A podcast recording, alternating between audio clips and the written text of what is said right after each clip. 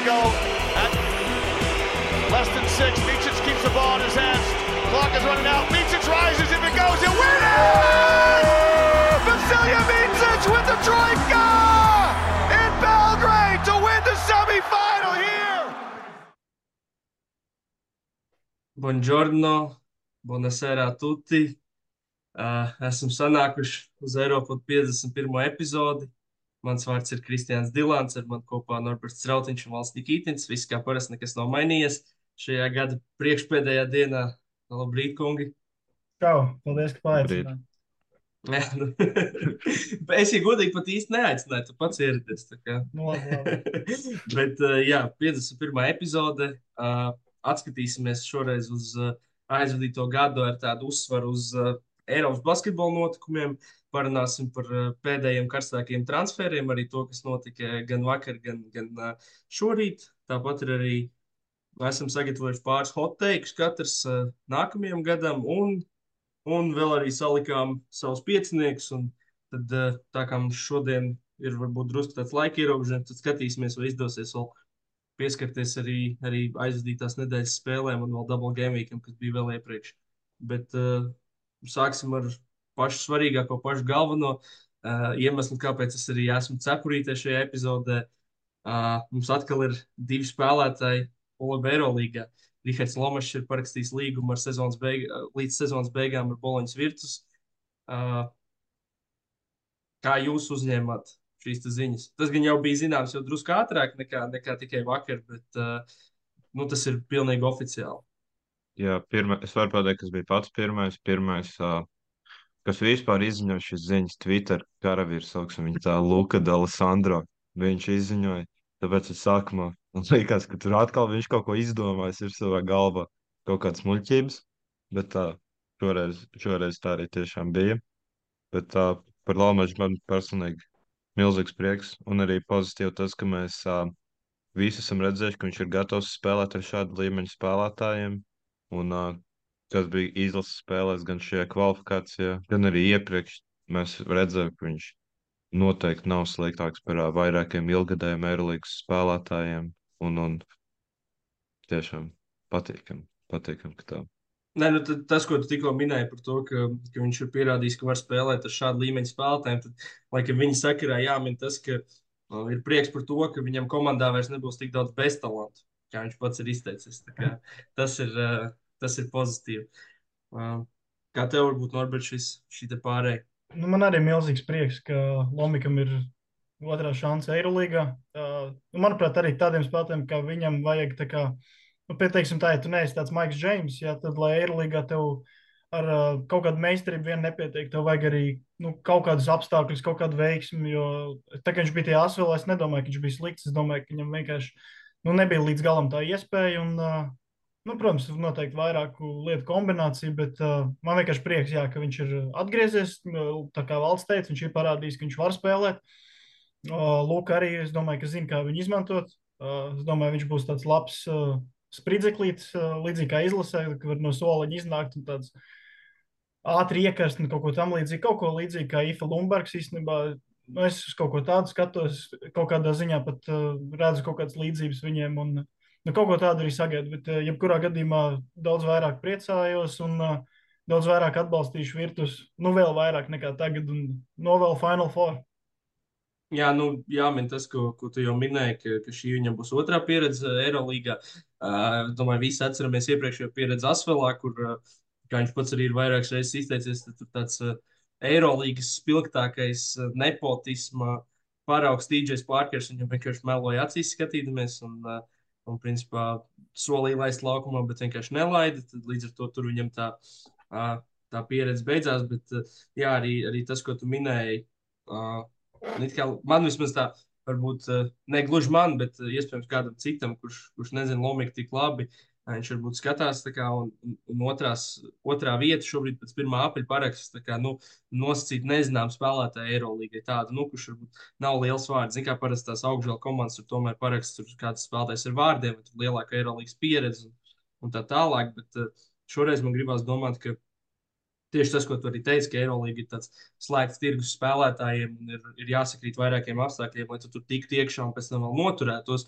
Tad, uh, neraugoties to, ka Virtus ir otrā labākā komanda Eiropā pēc pirmā apļa, es uzskatu, ka šī ir labākā vieta, kur, kur Lomažam to izdarīt. Jo, kā viņš jau arī pirmajās intervijās pēc pievienošanās teica, ka, ka viņš jau, jau jūt dažus tos setplay, ka daži ir līdzīgi kā izlasē, ka tā, tas spēles rokraksts ir līdzīgs kā izlasē. Treneris viņu pazīst, viņš pats ir gatavs. Un, uh, es ļoti šaubos, ka jebkurā citā komandā viņam būtu tik laba iespēja izsist sev to vārdu, tā kā tas būs tagad Boloņā. Es domāju, ka pat, pat Albā un pat uh, Asvelā šobrīd viņam nebūtu tik laba situācija. Tā īstenībā šeit man ir arī pēc visa šī pozitīvā. Es gribu pateikt pāris lietas, kas man dara skeptisku. Ir, uh, Pirmkārt, ir tas, ka līdzinājā karjerā viņam ir gājis, diemžēl, diezgan pagrūti, kad loma ir mazāka vai maza vai mazāk nekā bija iepriekš plānots. Tas bija gan pirms tam Asfelā, gan arī Saragosā. Un, un tas, to viņš, man liekas, arī pats tajās visās, nu, es nezinu, visās, viena intervija, ko es lasīju, ka viņš teica, ka viņš saprot, ka vajadzēs atrast, uh, atrast savas situācijas un, un metienus liederību. Iespējams, ka nu, viņam nav tik daudz bumbas, jo tik daudz bumbas kā Merkeza Fendī viņam noteikti nebūs. To man liekas, to var aizmirst vismaz sākumā. Bet tā, te gan, te gan daļai visas šīs tieši bažas par šo, šo uh, līdzinājās karjeras pieredzi, tas, ka, kas ir treneris, to, ka šis ir treneris, kas viņu tiešām zina, kas viņa stiprās puses, un, un viņš tieši gribēja viņu komandā, tāpēc noteikti kaut kādam plānam jābūt. Un, un vēl bija no skeptiskās puses arī tas pats, ko tu teici, ka viņa ir otrā vieta. Es pat īsti nezinu, vai tas ir labi vai slikti, jo, jo parasti tomēr komandas, ja viņas labi spēlē, tad nu, necenšas izgudrot jaunu velosipēdu. Ja viss strādā, tad uh, tur vismaz standartā jau tu nemēģini īsti, īsti jā, kaut ko mainīt. Bet uh, viņš jau netiek ņemts kā teiksim, tāds uh, pamats spēlētājs, kam tur būs uzreiz mega loma un tā tālāk. Es domāju, vairāk viņš ir tāds tā kā plugins labā lukas sistēmā, kas jau strādā tādā ieeļotā ritenī, kur, kur tu vienkārši ieliec kaut kādu papildus zobratiņu, kas, kas turpina to, to riteni mīt uz priekšu. Tīri tā iemesla dēļ, ka ka Dželīns Smits tomēr aizgājis Partizānu. Un, un te uzreiz jāmin tas, ka viņam ir divas lomas šobrīd. Viņš ir ne tikai Partizāna spēlētājs, viņš vēl laikam nav spēlējis. Viņš arī Partizāna NBA 2K e-sporta komandas spēlētājs. Viņš uzreiz divas lomas aizpildīja Belgradas komandā. Tas ir viens, un vienkārši jā, tas, ka, tev, ka viņiem nedaudz ir jāpaplašina tā rotācija, jo arī jāsērijas spēlēs. Viņi spēlē ar ar, uzticās šiem veterāniem. Es domāju, sezonas griezumā uh, arī salīdzinot ar tām iepriekšējām Lomika pieredzēm, teiksim, es varu uzreiz būt drusku atspēkot to, ko teicu. Piemēram, nu, uz Asvelu viņš aizbrauca pavisam jauns. Uh, tur bija vienkārši arī tāda apstākļa sakritība.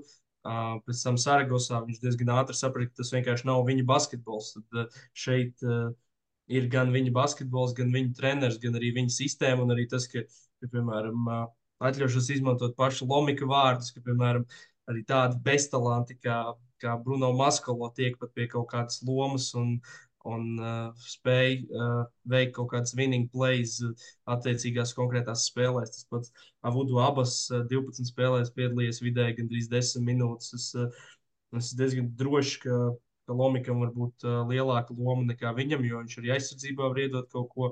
Uh, es uz viņu raugos, varbūt drusku kā tādu Marko Belnelī backup uz, uz 10-15 minūtēm, un es domāju, ka, ka viņš uh, ir gatavs iedot tās minūtes, un ka viņš ir arī šobrīd tik, tik pieredzējis, ka viņš uh, spēj saprast ar to lomu. Nu, man tā gribētos ticēt. Jā, es tev piekrītu, ka es arī viņu gan jau vismaz pašā sākumā redzu, ka darīs līdzīgas lietas kā Belnelli. Protams, ne tik traks metiens metīs, jo tāda daļā gaisa tikai Marko ir. Bet, nu, vairāk kā, vairāk kā metēja sākumā. Bet tā, mēs esam arī redzējuši, ka viņš tomēr spējīgs darīt arī vairāk. Tāpēc cerams, ka laika gaitā varbūt šī, šī loma palielināsies. Un, un nu jā, kopumā pēc sajūtām arī tur liekas, ka minūtes jādalās. Man vismaz tā liekas, Dobričs, Belnēli un uh, Īfa Lundbergu. Un, un man liekas, ka gan Īfam, gan Dobičam tās minūtes vēl relatīvi nestabils ir. Nu, tā, kā kādā spēlē ir, kādā spēlē ir mazāk. Un tādu, man liekas, ka tā vismaz kaut kas līdzīgs te būs.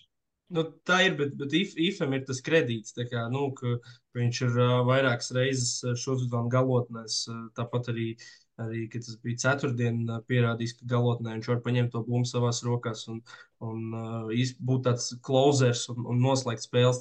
Es domāju, ka ar Ifu viņš varbūt tik ļoti nekonkurēs, jo, ja mēs salīdzinām to situāciju pirms sezonas, tad šobrīd Ifa, manuprāt, ir, ir ļoti stabils uh, virtus, tāds gribētu teikt. Bet tas prasīja laiku.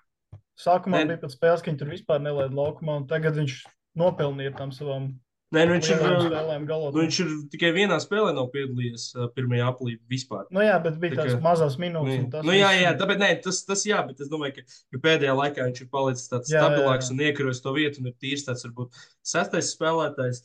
Piemēram, man tagad ir atvērta statistika, skatos, Smitam bija 13 spēles un vidēji 11 minūtes un 22 sekundes. Nu, Es gribētu domāt, ka Lomiks arī var rēķināties ar tādām 11, 12 minūtēm. Un, uh, es, nezinu, es, es uz to raugos ļoti pozitīvi, un es galvenais jācer, ka, ka viņš ar to arī būs kaut cik apmierināts. Jo Itālijas čempionātā noteikti viņš var spēlēt vairāk, lai gan arī tur bankai patīk daudz izmantot uh, pārējos uh, līderus.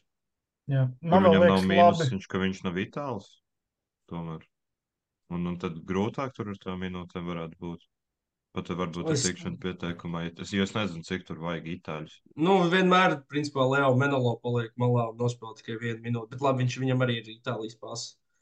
Nu, Horvātijas, Itālijas viņš skaitās kā vietējais. Es, es arī nezinu, tik sīki. Es neesmu to skatījies, bet es domāju, nu, jebkurā gadījumā es domāju, ka, ka viņam tur būs iespējas. Vēl no tāda uh, spēles viedokļa man patīk, ka no, no Lomaža acīm skatoties, ka uh, Virtus spēlē nu, tiešām tādu labu, skaistu komandas basīti. Uh, Hakets, kas ir uh, galvenais saspiņš, arī ir uh, orientēts uh, gan uz aizsardzību, gan uz uzbrukumā, uz uh, komandas lietām, tam līdzīgi, un ka nav tāds viens izteikts uh, balu dominants, uh, mazais spēlētājs vai saspiņš. Man liekas, ka Lomažs no tā varētu iegūt. Līdzīgi kā Latvijas izlasē, ka labi, tur tagad uzmirdzēt nu, čempionu žagars, un tad nu, viņš tur vairāk ar bumbu spēlēja. Bet, piemēram, viss tā kvalifikācija, kad Lomačs bija ļoti labs, nu, tur bija. Nu, nebija tā, ka tur viens spēlētājs kaut ko veido. Ir reāli komandas basīts, jebkurš jebkurā mirklī var uzbrukt. Un man liekas, ka tādā basītī Lomažam ir uh, vieglāk uh, atrast tās savas situācijas, un viņš var efektīvāk un labāk spēlēt. Un man liekas, ka Virtus ir pateicīga komanda un laba sistēma, lai tas izdotos. Nu, priekš latviešu spēlētāju šī ir principā fiziski vislabākā iespēja, kas jebkuram var tādā būt. Monako būtu, manuprāt, būtu šausmīgi. Nu, nē, Ne, nu, ne tikai protams, tas, ka daudz mazu, gar, mazo spēlētāju labu, bet uh, pat ja viņam būtu liels minūtes, tāpat domāju, ka būtu daudz, daudz grūtāk. Nu, šeit Ne, ne, bet- viss ir principā virtus ir latviešu spēlētājiem. Lieliski labākā vieta, kur atrasties. Ja tev ir tas, ka treneris tev pazīst, un nevis pazīst tā, ka ir skatījies tev video pavasarī, bet tā, ka tiešām ar tevi strādājis, tas, tas tomēr ļoti, ļoti palīdz pieņemt. Un, un treneris no tevis negaida neko tādu, ko tu nespēji izdarīt, vai ko, tu, tā kā, ko tev nepatīk, vai nesanāk. Nu, darīt. bet uh, es gribētu domāt, ka arī basketbola laukumā ir diezgan maz lietu, ko Rahards Lomačs ar savu pārliecību nevarētu izdarīt. Nu, tā.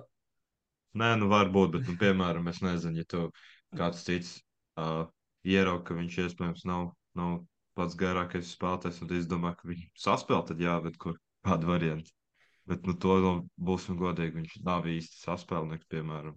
Nē, epizode, gadījies- epizode, Epizodes. epizode. Nu, jā, bet, nu, tā kā, nu, es 40 domāju, tā minūtes pa lielo ilgstošos laika, ilgstošā laika periodā nav.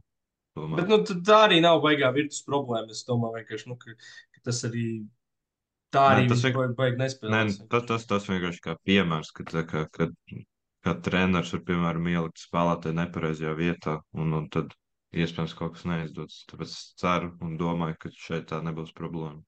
Bet uh, kamēr mēs vēl esam pie, pie Lomaža un Virtus, uh, es gribu uzreiz arī nedaudz atzīmēt Boloņas Virtus fanus, kuri uh, visu sezonas garumā Virtusīni ir bijuši izcili. Tiešām katru reizi pieslēdzoties, tur ir, izcila atmosfēra, fani uzkur uh, ļoti tādu foršu pirtiņu.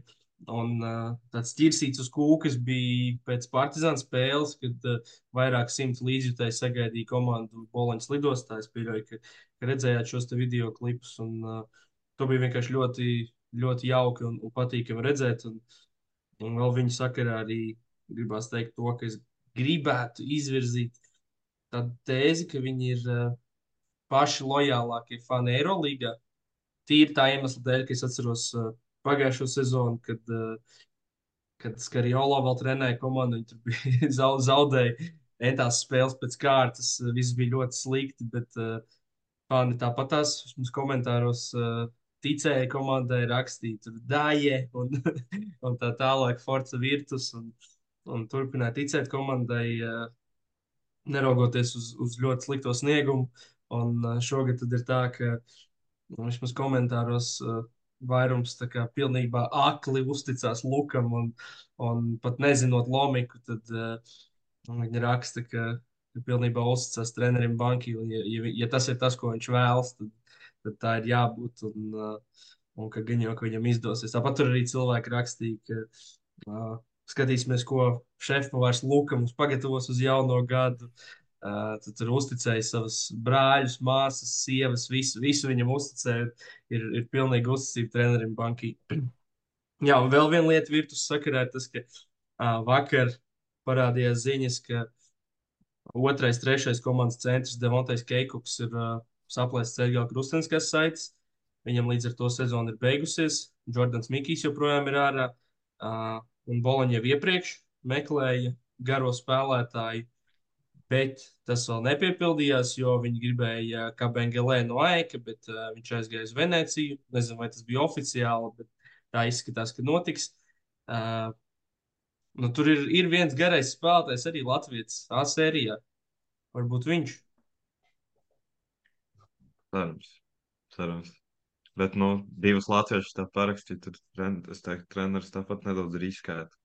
Jo tur, tur Bet tas ir pārbaudīts vērtības.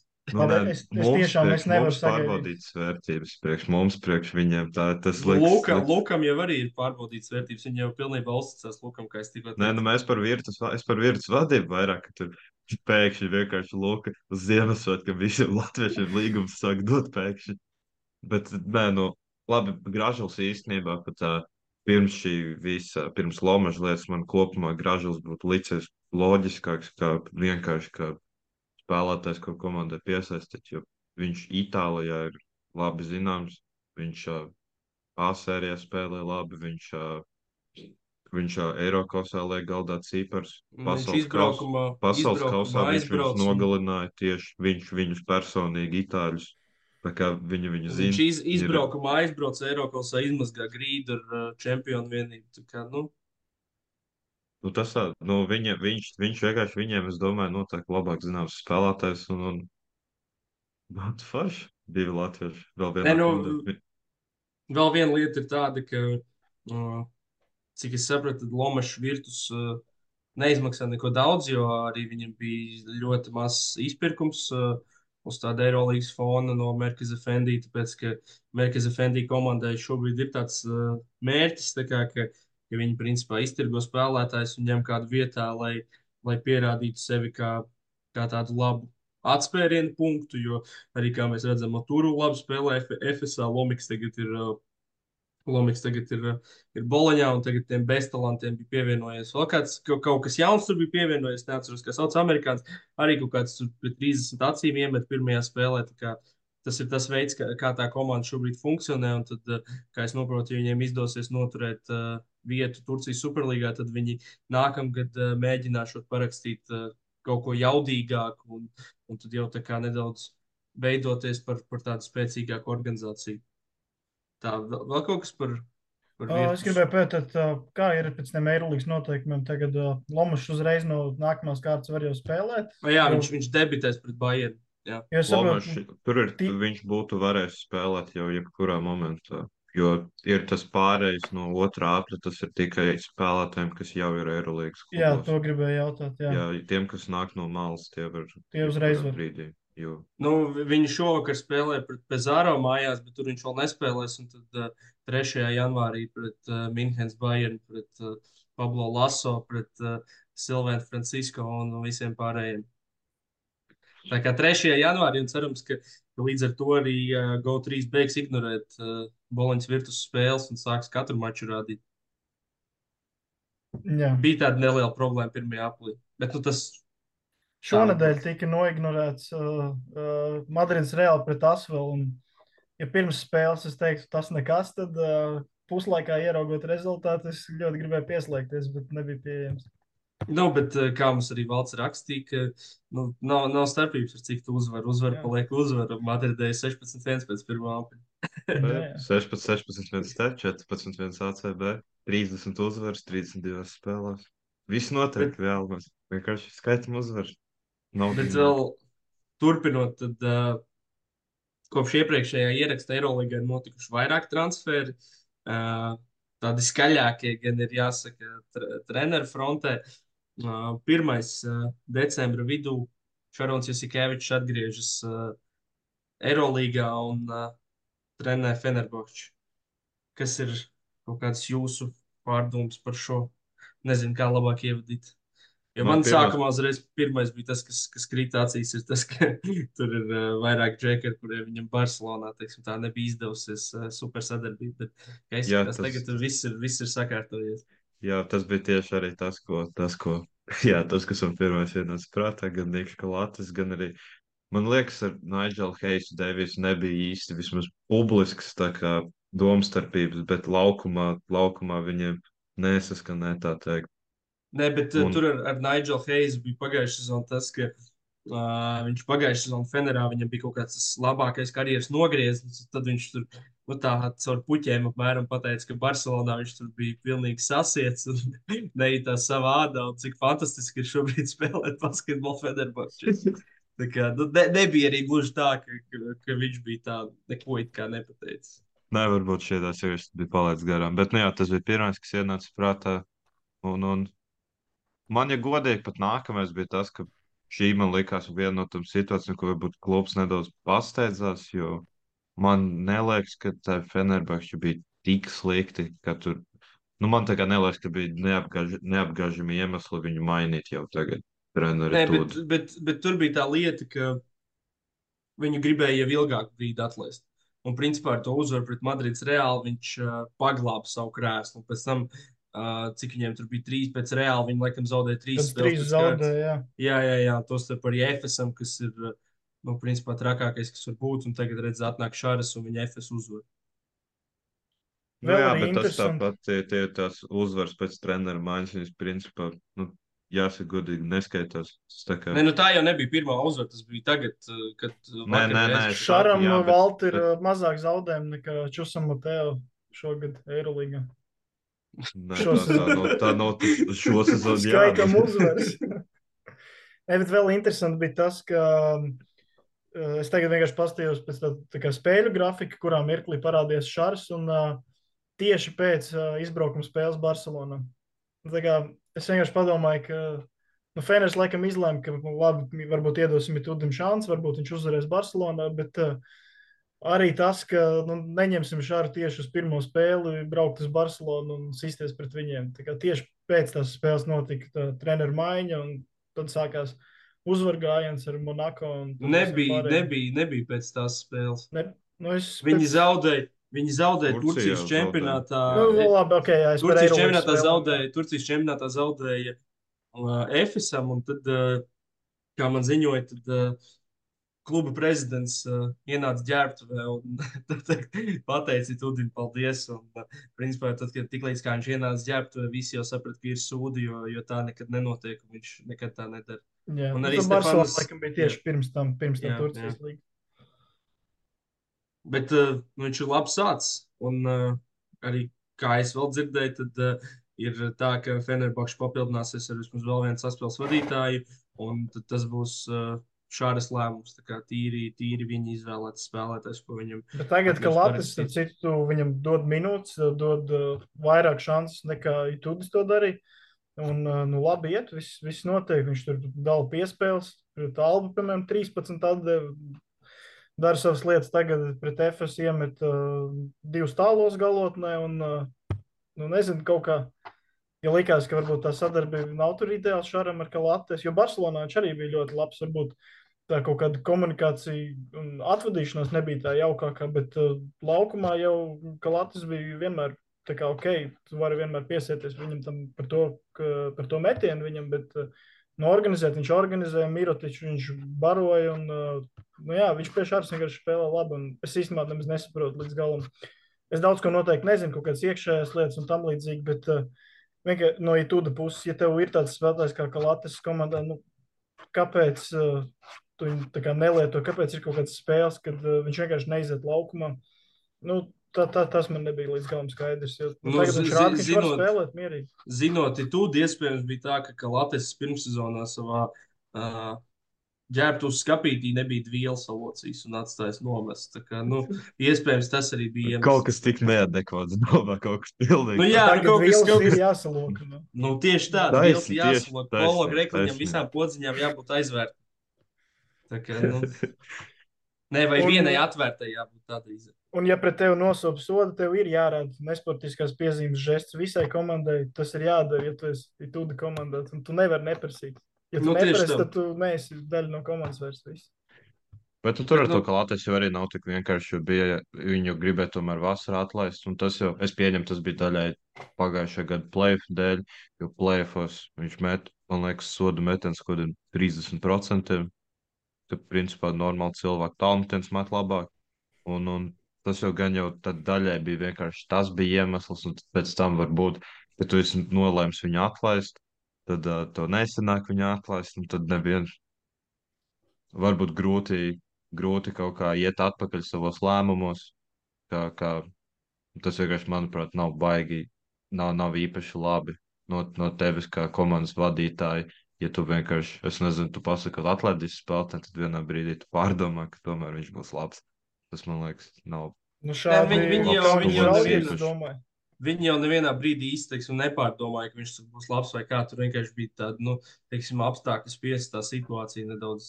Nē, nu tas ir tā- viņš palika līdz galam. Nu, tas vienkārši tas kā iemesls, kāpēc viņu neizmantoja. Tas ir tādā ziņā.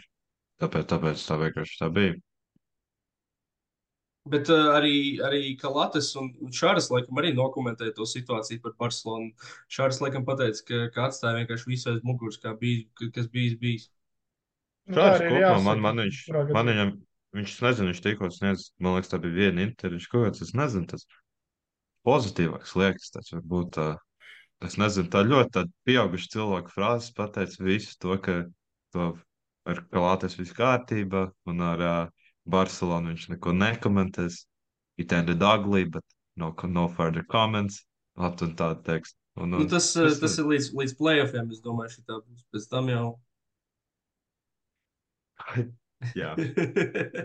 Bet tā kopumā rezumējot eh, par tādu man, mans personīgais viedoklis, man, man patīk, ka Šārs ir atpakaļ Eirolandā. Man, eh, nu, tur var strīdēties, vai tev patīk tas viņa stils vai nē, bet uh, nu, man liekas, ka vienkārši man Eirolandā tagad jau ir pierasts, ka Šārs ir Eirolandā. Tas ir Eirolandas treneris, tu viņu redzi katru nedēļu televizorā, tu klausies, skaties intervijas ar viņu un viņa komandu. Tu ne, nu, labi, titulu viņam nesanāk pagaidām dabūt, bet uh, uzvar spēles viņš vienmēr stāsta. Tas ka- cīkums. Tādas Tas cīkums. cāļu skaita pavasarī. Un, un, jā, nu, man prieks, ka viņš ir atpakaļ. uh, un Es novēlu, es nezinu, man tas Feners nepārāk patīk. Bet, uh, nu, lai jau ir, lai playoffs būs, Final Four, gan es labāk kaut kādu virtus un grieķus redzu. Kā tā. Nu, manā acīs, grieķi, kāda grieķi, nekāds Final Four. Viņiem Es- fani ir, es gribu redzēt. es nebiju lielākais Barcelonas fans ar šādas, bet, bet uh, tā nomaiņa Fenerbahčē gan man patīk. Tā Kā, nu, tur es pat, tā kā, nu, manās acīs tas, Fener potenciāls palielinājās ar, ar šādas. Nu, arī tajā Barcelonā jau diezgan daudz ko var redzēt, kā viņi spēlē ar viņu kā viņi spēlē tagad. Tagad nespēlē tik labi kopumā. Paga, paga, paga. Nē, Viņi nu, Rokets- Pirmie, otrie Rokets. Eirolandā, un tagad viņi ir trešie. Viņi nav pirmie, otrie, viņi, viņi ir pieci, viņi ir piektie Spānijā, ja es nemaldos. Nē, nē, ah, nu, jā, jā, es tagad Viņi- viņi Šārs node- vai nē? Es aizstāvu. Es aizstāvu, aizstāvu. Jā, jā, jā, ir Es vienkārši to, ka viņi tagad, tagad Ok. ir briesmīgi. Labi, ok, tas nav varbūt tikai treneru faktors, jo tur vēl citas lietas noteikti ir.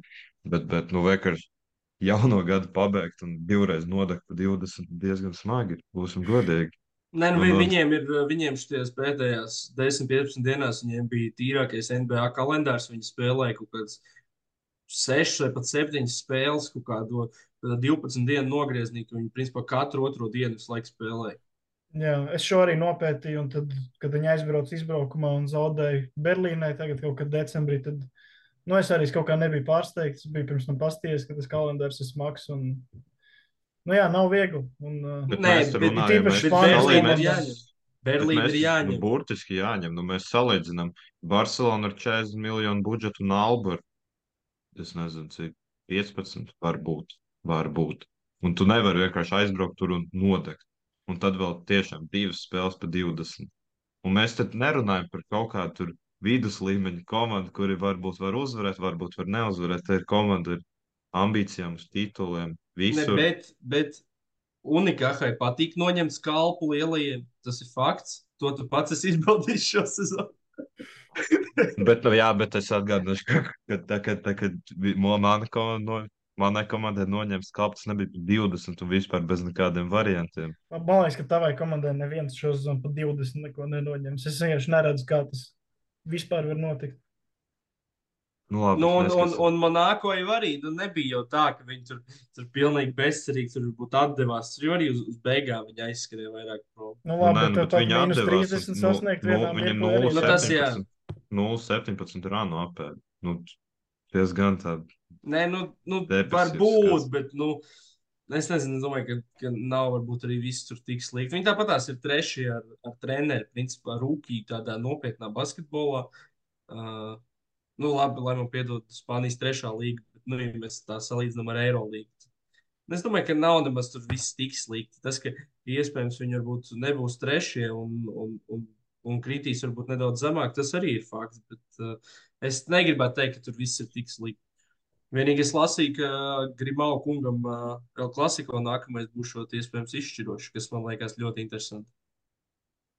Nu, tā ir. Nu, viņi tomēr jau uh, trīs reizes ir zaudējuši pēc kārtas šo sezonu. Tagad ceturtais. Principā, bet šeit, šeit viņam ā, tā ir, pat teikt, tā ir lieliski iespēja, jo, ja viņam izdodas piemānīt, tas viņam no, no, noteikti nopērk uzticības kredītu vēl uz, es teiktu, ja viņi, es nezinu, vai viņi plāno atlaist, bet ja viņi plāno atlaist šobrīd, un viņš uzvar, tad sāk jauno gadu ar uzvaru pret Madridu, es teiktu, ka tas uz ko mēnesi, diviem viņam noteikti nopērk, nopērk uzticības kredītu Tā spēle ir mājās vai izbraukumā Barcelonā? mājās. Nu, okay, tad, bet tāpat es nezinu. Nu, Bet labi, es arī es, Madrid māca noskaņoties. es piekrītu arī tev, Kristian. Nu, tagad ir tāds sliktāks nogriezts, bet kopumā nu, trešā vieta Eirolandā, un viņi ilgi bija arī otrie. Viss ir kārtībā, vienkārši tagad ir jāatsāk uzvarēt kaut kādā momentā. Un, no ACB es mazāk skatos, bet uh, nu, es saprotu, ka laikam tur mazliet par daudz tie zaudējumi. Bet nu, kopumā es nedomāju, ka ir jāceļ panika un viss ir normāli. Vienkārši ir jāatsāk atkal uzvarēt mēnesi iepriekš, un viss būs kārtībā.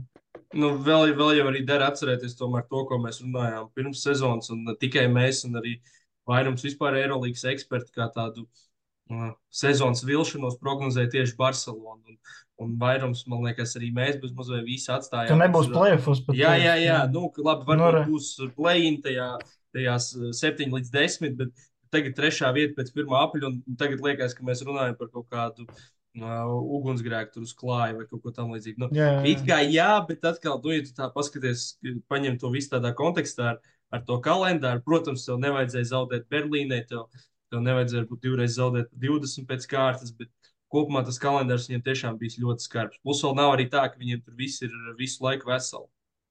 jā. Nu, Tā taisnība, bet tas arī, piemēram, ja bija labs sezonas sākums un sezon. Es pat teiktu, ka varbūt tas bija izņēmums, nevis tas, kas tagad notiek, jo atcerēsimies sezonas uh, pirmos, es nezinu, pusotru mēnesi, ja Lapra Vitola met divpukniks ar 80%, kas nav adekvāti. Tālos Tad arī viņi- kādiem 50, man liekas. Nu jā, jā, un tas bija ar labs Brīnesam, klubs. tas pats bija Brīnesam, un tad vienkārši mēs iespējams esam beidzot nolaidušies realitātē, kāda ir īstā situācija. Arī varbūt beidzot mēs labāk redzam, kur uh, par viņu jauniem saimniekiem, kas ir šausmīgi. Es gribētu teikt, ka Nu, Villijs Mēs- ir. ja mēs uh, rēķinām iztērēto naudu pret atdevi, viņi ir, man liekas, ka es pat teiktu, ka asfalts kaut kādā ziņā ir labāk tieši šajā komponentē performējuši. Jo, nu, bu, nu tu, piemēram, mēs skatāmies, Vilnis Hernandez Gomes, viņš ir, ja es nemaldos, vislabāk apmaksātākais spēlētājs visā Spānijā un top 5 Eirolīgā. un viņš ir savā komandā otrais centrs, jo tu viņu vienkārši ne, ne, nevar turēt laukumā, jo viņš nevar konus nosakt treniņā. Aptuveni tā ir.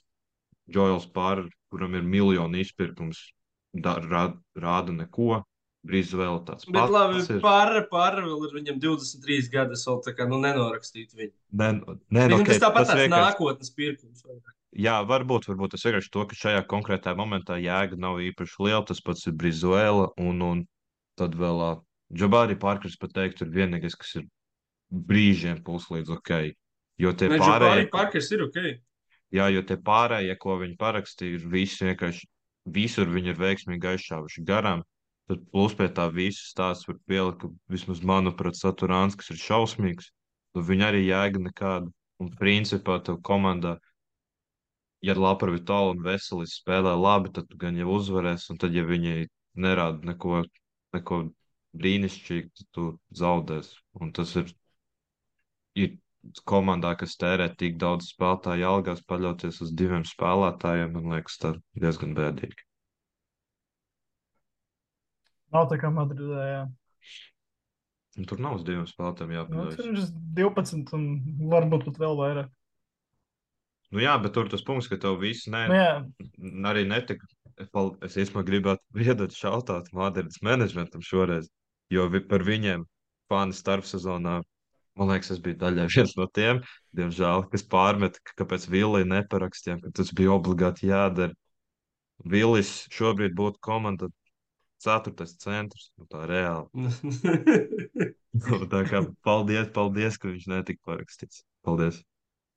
Es, es tagad es, es atvēru flashcore telefonu, es vienkārši skatos viņa, teiksim, tās decembra ievada spēles. Nu, nu, piemēram, zaudējums virtus, tad tā bija galotne. Zaudējums sargus. labi, virtus uzvarēt nav, nav viegli. Nē, nē, es vienkārši tā vairāk- es vairāk skatos, ka- Ka, vinēt. principā, viņiem, viņiem izņemot tos pēdējos divus zaudējumus, vispārēji ir bijuši galotnēs. Nu, un tajā pašā laikā viņi galotnē paņēma žāgi. Labi, tā nav liela māksla. Ja es šajā sezonā nav. žāgietis visiem zaudē galotnē. Uh, viņi Baskonī pa 20 istes uh, ACB līgā. Uh, viņi uzvarēja Feneru arī. Kā, nu, es saku, ka nav, nav viss tomēr tik slikti. Manuprāt, ja mēs to ietveram tādā, tiešām tādā pirmssezonas kontekstā drusku. Bet es, piemēram, bet arī tas, tās, tas ka tu zaudē galotnes, tas varbūt strādā kā attaisnojums kaut kādā ziņā, bet, piemēram, es uzskatu, ka tev kā Barcelonai to nebūtu jātiek līdz sīvām galotnēm ar Albu, Saragosu vai Manresu vispār. Tas, es uzskatu, ka tev tur nav jābūt sīvām galotnēm, tev jāuzvar vienkārši laicīgi. Jā, jā, jā te, te atkal mēs varam iet tādā, mēs varam iet tādā dziļākā diskusijā un skatīties, vai tad bija double game weeks vai kas tad bija. Bet nu, no ACB līgā, principā, nu, nu, nu, tur ir visas komandas. Varbūt, nu jā, es laikam palēncīgi negribētu skaitīt, varbūt tīri tā iemesla dēļ, ka viņi ir, ir paši vājākie un viņiem tur viena uzvara, cik tur 11 spēlēs. Bet, nu, tā ir ļoti, ļoti sarežģīta līga, kur spēlēt. Tā Kā, nu, Nu, jā, es tur- piekrītu, tas, tas vienkārši tas- kaut kā. Tas, ka, protams, arī no viņa paša perspektīvas, ka viņiem tur ir visas tās ambīcijas un, un viss pārējais, ka viņi grib, grib uzvarēt un, uh, un grib uzvarēt visas spēles un uzvarēt visus titulus. Tas skaidrs, bet, bet ja mēs tādu no malas, tā, manuprāt, racionāli raugāmies, tad tur nekāda katastrofa nav notikusi. Piekrīt. taisnība. Tā, kas mums vēl uh, no transferiem uh, Šabas Nepieris Milānā. Tas, ko es zinām, uzreiz bija pateikt- taisnība. Zinām, bija Nostradamus šeit. Mēs, mēs zinām, bija taisnība, un tad Šabas Nepieris bija tas gadījums, kurš, ā, kurš tad vēl nevarēja tagad spēlēt šajā aplī, bet varēs tagad spēlēt uzreiz ā, nākamnedēļ, kas viņiem tur būs pirmā spēle. Mm. Neesmu skatījies. Uh, viena lieta par šo viņa neveiksmīgo posmu Belgradā ir tāda, ka, ko mēs jau runājām arī pirms sezonas, uh, manuprāt, viņam vienkārši nevajadzēja iet no turienes prom. Tā ir taisnība, jā. Nu, tā tīri tagad, skatoties, tas nu, izskatās pēc vienkārši drausmīgi nogriežņa, arī, arī drusku teiksim, tā, viņa vārdu aptraipīja. Jo iepriekš man likās, ka tur man liekas, Šilds bija ļoti slavējis. Vai, vai tas pats Mesina pēc titula, kur viņš principā ar Šilds divu tā atnes titulu. Uh, un tagad uh, Nedovičs lai sūdzas uz viņu. Un, uh, un viss tā situācija neizskatās die, diezgan labi. Un Sferopolis kungs nestāsta taisnību kameras priekšā. Nu tas- tik vēl ne? Man tas arī īstenībā liekas diezgan muļķīgi, ka tu saki, ka treneris melo, bet tad pēc divām dienām tā pati izziņo tā komanda, kur viņš teica, ka tu būsi. Tu tur vēl Nē, teikt, treneris jau, treneris jau, kā viņš jau vienkārši, viņš jau neko nepateica par komandu. Viņš vienkārši pateica, ka viņš, viņam tiek meklēt citu komandu. Bet bija kaut kad mēnesis atpakaļ kaut kāds, nu, vai nu raksts vai kas, es nezinu, cik lielā bomba līmenī, bet ka Mesīna apmēram saka, ka Neipiers grib atgriezties, un Neipiers tikmēr ir ar vēnām, viņš, nu, saka, es nezinu, par ko Mesīna runā. Es esmu šeit, un es cīnos šeit, un viss ir kārtībā. Nu, Tagad ta, tajā, brīdī, tajā brīdī tas viss bija Fufels. Tur bija vēl, vēl viss sāka tur uzbrukt Mesinam, ko viņš tur atļaujās. Un, un tajā brīdī tā bija, bet uh, redz, kā, kā galda paspēja pagriezties. Ja, nu, būsim godīgi, zvaigznes darīt. Nu, viņi spēlē drausmīgi šo sezonu pie tā sastāvā, pie tā, kāda viņiem ir tā komplektācija. Un, uh, Es atceros, nu, Neipiers ievadā. jau tomēr ir daļa no problēmas šajā visā. Nav tā, ka viņš būtu performējis augstā līmenī, un tad es nezinu, Luka Mitrovičs nevar lejups iemest. Tā gluži Nē, nav. nē, nē tas, tas noteikti tas ir fakts, bet vienkārši es uzskatu, ka viņi pilnībā pārsteidzās ar, ar dušu atlaišanu. Nu, nav tā, ka tur Tā ir, ir atgriezies un tur kaut kas būtu ļoti izmainījies. Redzam, ka dušu efekts eh, strādā uz, uz Baskonī tikmēr. Lai gan tāds pats efekts bija arī pagājušajā sezonā uz, uz eh, Zvezdu, un viņi tāpat tās nosēdās beigās. Tā ir taisnība. Bet tā, tas man liekas, ka um, jā, tur kopumā tā visa tā zvezdas situācija nepatīkama. Un, un priekš viņa, kā, tu, kā jau tu pirms tam teici, pats sabojāja savas akcijas. Un tagad es pat teiktu, viņam vajadzēs laiku, lai to dabūtu atpakaļ. Jo tiešām vēl tik slikti performējošā zvezdā viņš nebija ne top 3 un varbūt ne, visticamāk arī ne top 5 spēlētājs komandā. Un, un te viņam vajadzēs tomēr jo viņš iepriekšējā sezonas beigās radīja labu iespēju par sevi, un tad vajadzēs tagad pirmā, uf, atvainojos, otrā apsākumā strādāt, lai atkal atgrieztos sev tur, kur viņš bija. Nu, es, es ja godīgi domāju, ka tas arī neprasīja ilgu laiku. Tas, uh, ja, kā jau mēs runājam, nākamais, laikam, sanāk double game weeks. Uh, sāksim gadu ar double game week. Es domāju, ka, viņš tās savas ak akcijas var atgriezt jau, jau nākamā gada sākumā, pirmajā nedēļā, uzreiz atpakaļ. Tīri tā iemesla dēļ, ka Milānā ir katastrofāla situācija ar aizsargiem, un, un Diego Flakadori ir, ir principā galvenais un vienīgais tāds izteiktais saspēlnieks. Piemēram, nu, tur Bortolānī spēlē ļoti mazas minūtes, Halls vairāk aizpild caurumus. Bilijs Bērons ir atgriezies, bet ne līdz galam. Un, nu, viņam būs vienkārši jādara atkal. Nu, principā Šīls vēl ir ārā uz kādu laiku, kas ir arī pilnīgi katastrofa Milānai, jo viņš tas trīs sezonās tur bija iepriekš izlaidis, lai ne iepriekšējās divās sezonās viņš bija izlaidis 38 no 72 Milānas Eirolandes spēlēm. Tas ir, nu, tas ir drausmīgs cipars skaitlis. Un, uh, tagad es domāju, būs vienkārši tā, ka uh, Neipiers uh, vilks to visu Milānas vezumu, un, un viss būs lielā mērā atkarīgs no viņa. Un, un arī fantasy sakarā es uz viņu sāku skatīties kā uz tādu opciju. Viņš arī, arī lēts būs pēc uh, nespēlēšanas un nekā nedarīšanas. Nu, pēdējā ba baigi, baigi lēts. Es domāju, ka viņš nebūs, bet uh, tāpat kaut kādi 11, 12 miljoni būs. Jo, miljoni. Nu, Nu, jā. tas fantasy nav kredīti, laikam tā. Vienībiņas. Uh, futbolā ir uh, miljoni. Nu, man liekas, arī ne tikai tas, ka daudz, nu, ka ir problēmas mazajā galā Milānai, un uh, nu, kādam tas minūtes uh, ir jādod un jāspēlē, bet arī tas, ka nu, viņš jau tur ir bijis. Viņš ir, kad vismaz pusi no spēlētājiem ir spēlējis kopā, viņš ir bijis pie trenera. Nu, tas liek domāt, ka vajadzētu būt tā, ka diezgan ātri tu vari kā, dabūt uh, minūtes, dabūt iespējas, uh, saprast, uh, kā, kā jāspēlē, kas jādara. Un, demonstrēt kaut ko līdzīgu kā pagājušā sezonā. Es domāju, ka tie uh, abi faktori liek domāt, ka vajadzētu būt vis, visam kārtībā. Tur. Nu, Bet tagad, arī tagad skatoties tabulu, uh, Milāna ir divas uzvaras no, no play-in zonas. Uh, Pagājušā sezonā Neipiers ieradās vēl drusku vēlāk. Un Tad viņi gandrīz, bija gandrīz, sešas aiz. Tad, uh, gandrīz, gandrīz, gandrīz, gandrīz paspēja ievilkt komandu uh, izslēgšanu. Tobrīd izslēgšanas spēlēs, tagad, tagad pat vajag drusku mazāk. Nu, kā jūs uh, redzat, būs viņiem tas pa spēkam, ja mēs Mirotičs arī kaut kad laikam. Man interesē, kad salīdzinoši- atgriežas Mirotičs un Šilds, ja tu man uzdod šādu jautājumu. Nu, jā, jā. Tas no tā atkarīgs. Bet... Nu, gan jau līdz plēnam viņi var aizsties. Es tā domāju. Neesmu teikt. vēl? pagaidām. Es neesmu pagaidām baigi optimistiski noskaņots, jo, manuprāt, pirmkārt, Milāna šobrīd nav pati, kā mēs varētu pateikt, pieklājīga funkcionālākā organizācija Eirolīgā. Diemžēl situācija ir tāda, un viņam komandā līdz šim bija pa lielam divi, divi augsta līmeņa basketbolisti, kas tev var taisīt rezultātu.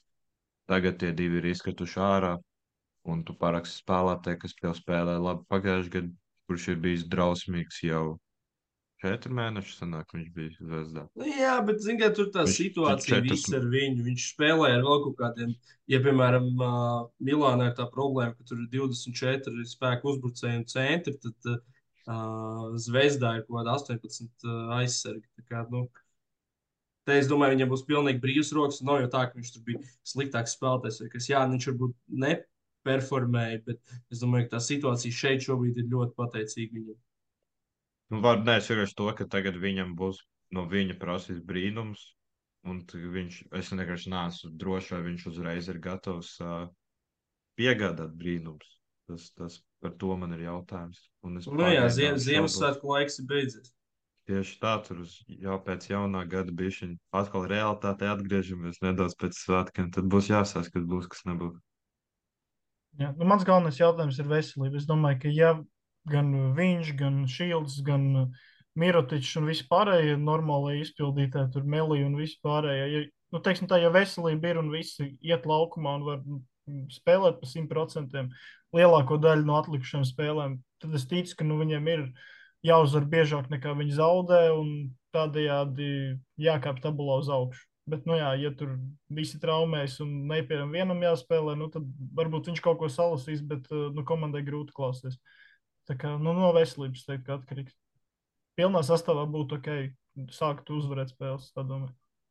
Ok, un tad mums ir uh, vēl viens spēlētāju transfers. Uh, labi, tur par, par Justinu Andersonu uz, uz Valenciju nerunāsim, uh, bet uh, Nikola Topičs, uh, Serbu aizsargs, nākamā gada NBA drafta potenciāla loterijas izvēle.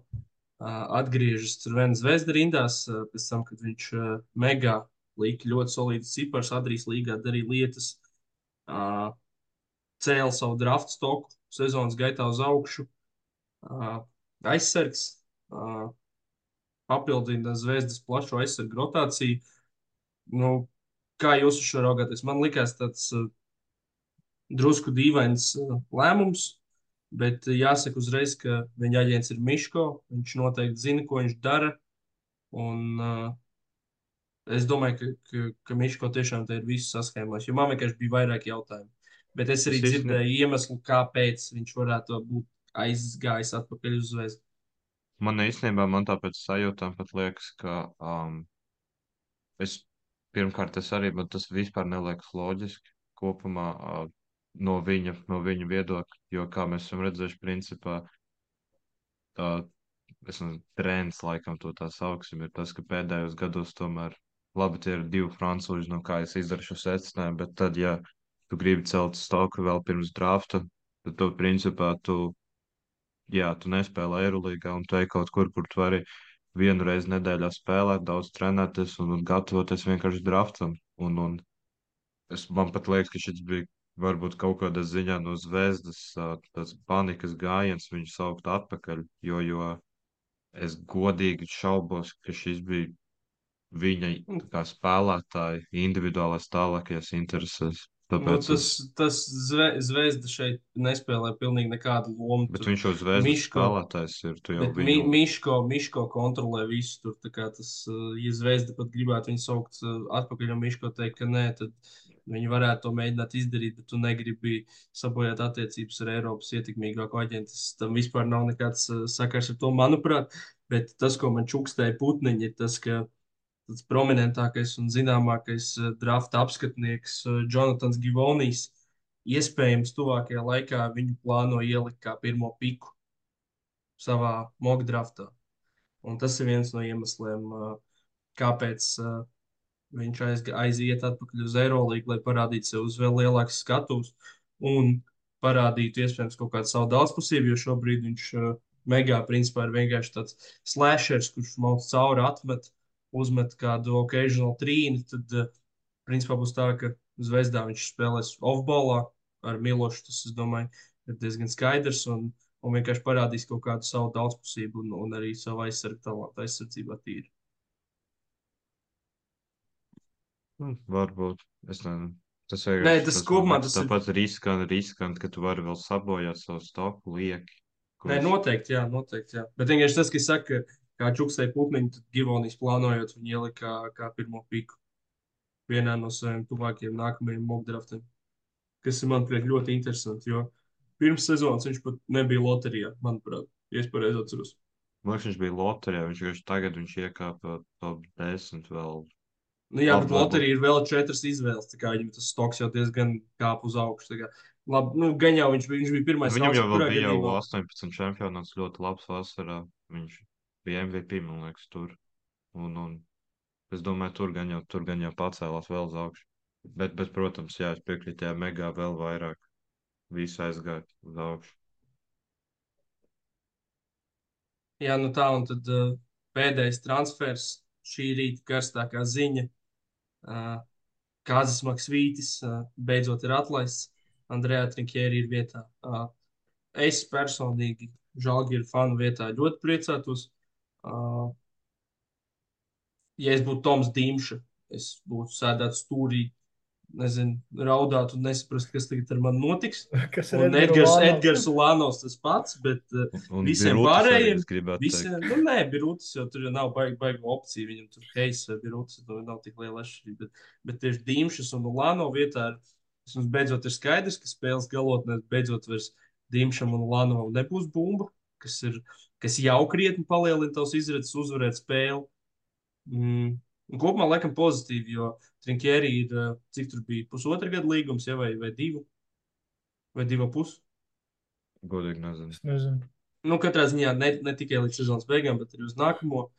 Uh, viņš ir pierādījis, ka ar šāda tipa komandām viņš spēja paveikt lielas lietas, sasniegt izslēgšanas spēles. Šobrīd gan Maks Vītis ir, ir to laivu nogrem, nogremdinājis baigi dziļi. Nezinu, vai izdosies visu ūdeni tur izliet ārā un, un pacelt atpakaļ virs, virs ūdens. Bet, jā, nu, kopumā es, es laikam raugos pozitīvi šo treneru nomaiņu. Nu, es arī, man liekas, ka nu, nezinu, bija tā, ka bija taču toreiz vēl tā situācija, ka viņu gribēja atlaist Maksvīti, bet spēlē, un tā kā jau bija apmēram pieņemts lēmums, ka tā būs, un tad spēlētāji esot atnākuši uz treniņu un teikuši, nē, tas ir mūsu treneris, mums viņu vajag, mēs viņam ticam, viss būs kārtībā, viss būs labi, mēs esam ar Maksvīti apmēram. Un tad pēkšņi Žalgiris vadība paziņo, ka jā, Maksvītam ir uh, 100% mūsu uzticība, viss ir kārtībā, turpinām strādāt. Nu, paturpināja kādas, cik te, divas nedēļas vai cik, un uh, turpināja zaudēt. Nu, un es nezinu, tas, tas, man liekas, šīs pēdējās divas nedēļas, un tā Makabī spēle arī bija pēdējais salmiņš šim visam. Un, nu, jā, man prieks, ka aizstājies ar tieši Trinkjēri, jo, kā tu teici, viņš māca šādām komandām strādāt un arī izspiest kaut kādu rezultātu. Un, uh, viņš arī tomēr ir harizmātisks itāls un pa- pastīties, kā viņš tur intervijās stāsta savas gudrības, tas būs gan interesanti. Un, nu jā, kopumā prasījās, man liekas, kaut kādas pārmaiņas. Vienīgi var būt žēl tas, ka uh, Maksvīša tādā ziņā, ka pagājušo sezonu viņš uzlec krietni augstāk nekā tika gaidīts, sasniedz daudz vairāk un tika plēsofos vēl pēc Evans traumas un visi, kas īstenībā ir joprojām mazliet prātam neaptveram. Un tagad, nu tā, ka sportā, nu, tu teici, vērtēts pēc tā, cik labs tu esi pēdējā laikā, un ka vecie lauri nestrādā, un kā pagājušajā gadā viss bija vienkārši fantastiski. Es nezinu, viņš dabūja gada treneru vai dot tādu balvu vai ne. Barcokas dabūja. Barcokas dabūja. Bet, jā. ok, Maksvīts droši vien nu, tur Nu, Viņš bija, jā, tu. topā, nu, top 2, 3 treneris. Un uh, Reiki iesāca sezonu neveiksmīgi, nu, pus, pussezonu neveiksmīgi. Tev uh, izgāž visu to, ka tu esi pirms tam gadu ļoti veiksmīgi strādājis. Un, uh, nu, tādā ziņā žēl. Bet, nu jā, šo sezonu, diemžēl, neiet tik sekmīgi. Un, uh, jā, nu labi, ka Trinkēri vismaz ir kāds uh, foršs džeks vietā. Nē, bet, Nu, bet es īstenībā to gribētu mani, līdz man, galam. ā, Man, Ne, nepārprotiet mani, man pēc būtības nav tā, ka man ļoti nepatīk Maksvīts vai kas, bet man ir tikai viena, viena fundamentāla problēma ar viņu. Un, Tas bija reāli tās galotnes, kur man nav pilnīgi nekāda pamatojuma un sapratnes, kāpēc uh, visu laiku tiek konkrēti iet Solāno virzienā, lai gan viņš to piečakarē 9 no 10 reizēm. Un tajā vienā, kurā viņš iemet kaut kādu savu to aiz galvas aizlikto to feidoju no, no posta, tad viņš ir pēkšņi varonis, un tas pats arī ar Dīmšu. Es, es nesaprotu, kāpēc bija tā pārlieku lielā uzticēšanās lietuviešiem un, uh, un, uh, un arī tāda, es pat teiktu, Evans ignorēšana šeit. Tad, Krāņštaimā un arī tur roļa atsēdināšana. Par to man bija vienkārši ļoti daudz jautājumu. Tā bija tāda vienīgā tāda izteiktā lieta, kas uh, viņa sakarā man, ne, man neapmierina. Jā, man arī Šmita maiņas, tas ir tas, ar ko es neesmu mierā. Un, Nu, Lānovs vēl kaut kā saprot, jo pagājušajā sezonā tas tomēr strādāja. Viņš tur iemet pēdējā minūtē regulāri savu dīvaino stepback trojku nokārtojumu. Tad mēs rakstījām epizodus un stāstījām neapturamais klaču Lānovs un viss pārējais. Mēs esam redzējuši, ka tas var nostrādāt. Vienkārši šo sezonu tieši tas pats, kas pagājušajā sezonā strādāja, šo sezonu tas vairs nestrādā. Un Izlīdzinās. Dimšu arī, bumbu Dimšam vai Evansam pēdējā uzbrukumā, nu, man tur nav daudz jautājumu. Un Šmita izmantošana, jā, nu, jā, jā, bez jautājumiem. Tāpat kā Kazim. Nu, jā. Šeit man, man ir, man ir nedaudz. Pirmkārt, par to, ko tu stāstīji, ka Trinkjēri Forša Džeks tā arī gluži nav taisnība, jo tad, ja klausījāties cilvēkai, ir cilvēki, mūsu, mūsu, mūsu bijušā, mūsu šī bijušā viesa Andrejs Filiņš saruna ar Žanu Tēneru, tad jums Žans īstāsies, ka nav viņš tik foršs džeks. Nav tā, ka in, in, viņš ir tik foršs, kā intervijās izklausās. Viņš ir tomēr diezgan grūti ar viņu sastrādāties. Personīgi nepatīkams, man liekas, aptuveni. Tā, tā viņš tika raksturots. Un, un uh, man īstenībā par to Maksvīšu atlaišanu tur ir divējādas sajūtas. Pati, pati pirmā, ko es domāju, ka viņu vajadzēja atlaist jau uzreiz, kad viņi gribēja viņu atlaist un nejautāt spēlētājiem, jo, ja kā, kā, kāpēc tu jautā spēlētājiem? Man liekas, ja viņi Viņa nejautā, ka nejautā paši. Nu, nē, Viņš nē, ir nē, es vienkārši, es, nē, es vienkārši to, ka tev nav jāklausās, ko tev viņi saka. Ja tev saka, Tas Nu, arī slikti. Tas Nu, arī ir nē, slikti. nevar ka tā Visi komanda neklausīties. saka, ka mēs runājam, mēs runājam par to, nu, kāda Labi, komunikācija ne, Edgars un Toms Edgars no- tur- Es tur, tur tā lieta, tur es, es, es varu likt naudu galdā, ka tur bija Dīmš un Lānovs, jo viņi divi reāli dzīvoja uz viņu. Tas, Giedraits nav- varbūt arī. Nē, nu, Giedraits, labi, var Viņš būt, bet- jaunais, viņam nav Es ir, jā, es ir Dīmš un Lānovs. Neviens cits normāls treneris viņam nedod tik lielu uzticības kredītu. Ulānovs var būt, būt Eirolīgā. Dīmš, ja viņš nebūtu Lietuvietis, viņš nekad nebūtu Eirolīgā. Jo, piemēram, Lomačs tagad tikai parakstīja Eirolīgā līgumu. Ok, neskaitīsim to asvēl. Viņš tagad parakstīja Lomačs un Dīmša. Tas ir, manuprāt, Dīmšam līdz Lomačam, tā kā līdz kosmosam ir. Tā kā Nu, man līdz mēnesim. nu, arī reāli. Bet... Labi, tik daudz arī nav, bet jā, es piekrītu, ka Nu, nu, tas nav ir tā, ka vienkārši tur to, ka tur ir- labāks par Lomažu, bet redz, kādas viņam ir šansas, bet Lomažam. Nu, viņam pasi ir. nu, Nu, jā. tas ir vienkārši. Tas, Tas, ir, ir viss par visām, tiem. visās komandās. principā. Es, es zinu, jā, es piekrītu. Tas vienkārši par visiem tiem tur lietuviešiem, bet es nezinu, tur klausīties, ko šī tāda runāja. Tik īpaši vēl, piemēram, tāds. Es, es varu pateikt, piemēram, tagad bija iespēja apmeklēt žāģeru spēli Kaunijā pret Makabiju, un man nu, nenormāli uzvilka, ka es, es aizbraucu es kā Latvijas, izbraucu ceturtdienas rītā no Rīgas uz Kaunu, atbraucu, un starta pieciniekā es skatos, ka Birūti baro groza apakšā, un Šmīts pieskarās bumbai trīsreiz puslaikā. Vai tas ir normāli? Nē. Un tad vēl tas pats vēl turpinās. Tiešām visi tie dīmšas, lekāviči. Vai viņiem vajag vispār dot jebkādu uzticības kredītu? Manuprāt, nē.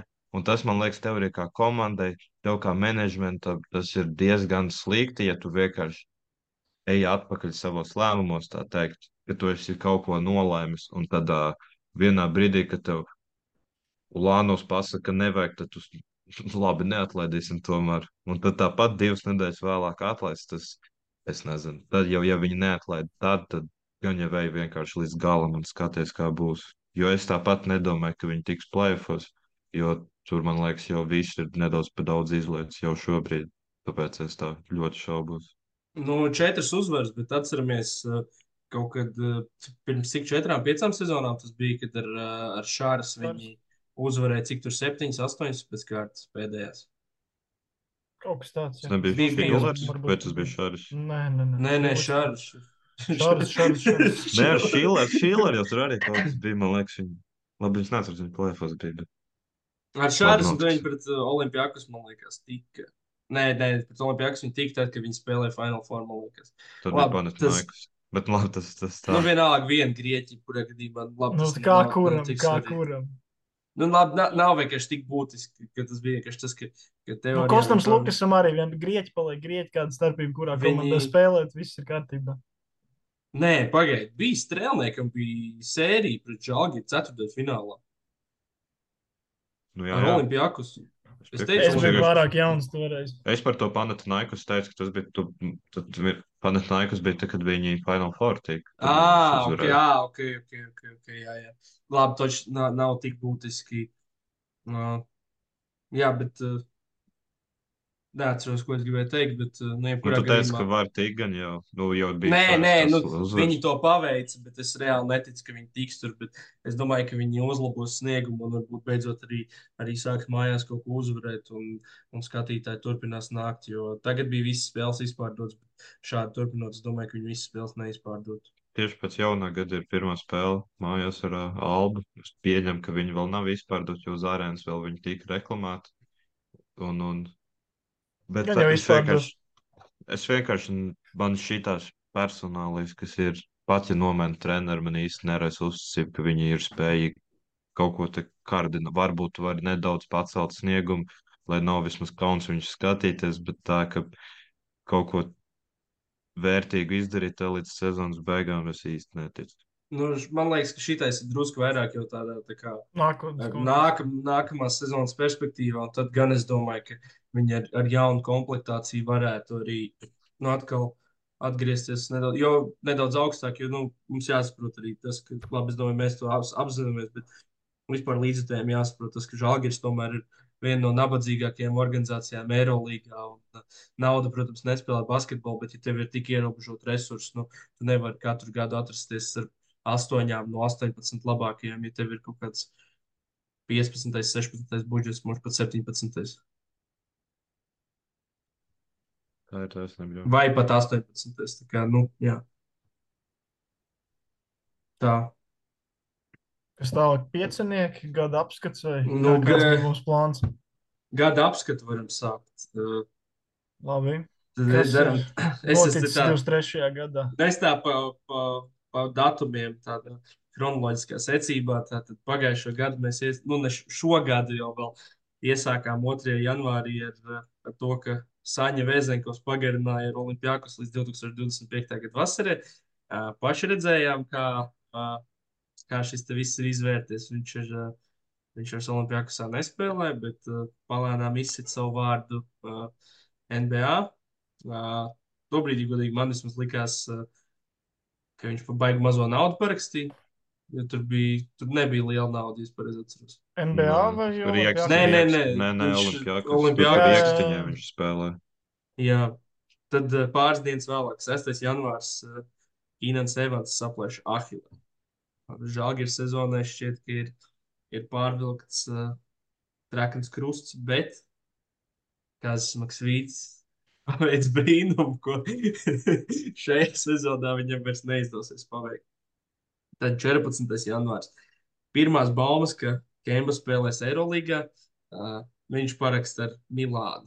Tā vismaz visi ziņo, beigās tas ir pilnīgs fufels, bet tās ir pirmās ziņas, ka tik liela kalibra vārds spēlēs Eirolandā. 25. janvārs. Iespējams, jau jūs būsiet pilnībā aizmirsuši par šo džeku, bet uh, Pierija Henrijs tiek diskvalificēts par dopingu, vai ko viņš bija viltojis tās analīzes vai ko. Un es te mēģināju apvaicāties uh, basketbola tādiem insideriem, ar ko viņš šobrīd nodarbojas. Uh, neviens, diemžēl, nezināja, ko Pierija Henrijs nodarbojas šobrīd. Viņam nebija vēl aktīvs līgums ar viņiem. Vai, vai Viņi jau tiek pārtra, valsts pārtrauc, pārtrauc savu līgumu. kad Ah, ok. Šitais bija. Tad uh, februārī nekas tāds, laikam, ievērības cienīgs nebija. Tur bija izlaša lokus, mēs braucām uz, uh, uz šo te.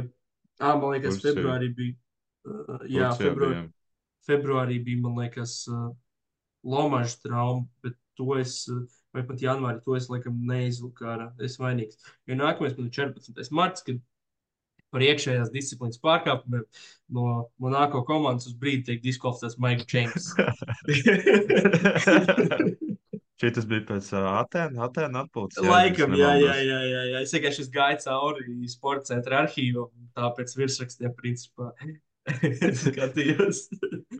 uh, jā, nu, laikam tāda klasiska ierasta situācija, bet uh, vismaz redzot to, kā notikumi ir attīstījušies pēc tam, gribās ticēt, ka Maiks ir, ir labojies un uh, Un arī pagājušo sezonu viņš noslēdz diezgan teicami ar komandas ievilkšanu Final Four. Un, un šo sezonu viņš ir bijis arī tiešām vienkārši izcils.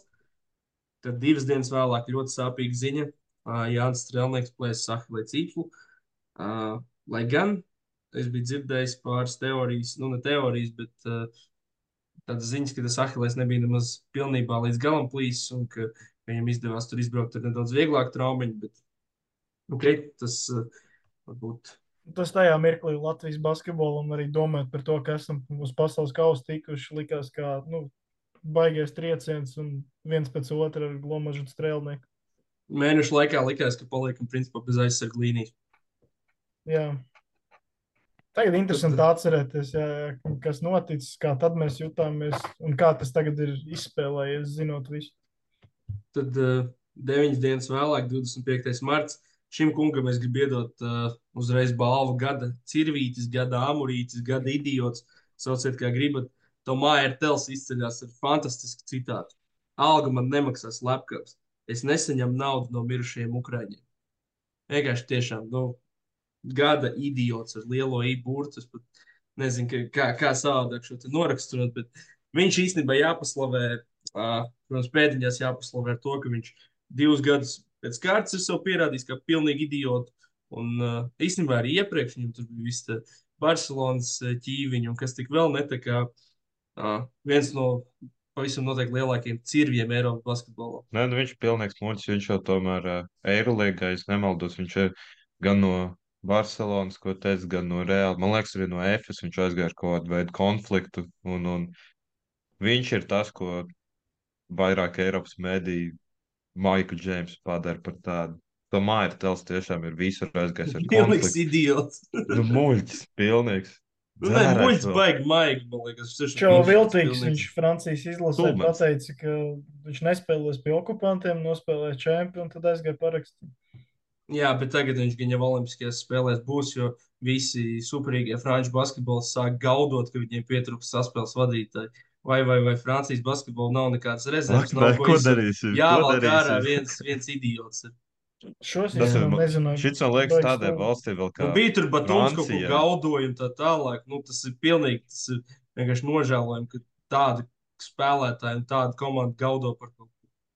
Tas par tādām kosmos, lietām, tā ka viņiem vien idioti vajag. Nu, arī šis jau, šis pat nav, manuprāt, sporta jautājums. Tas ir vienkārši principu jautājums.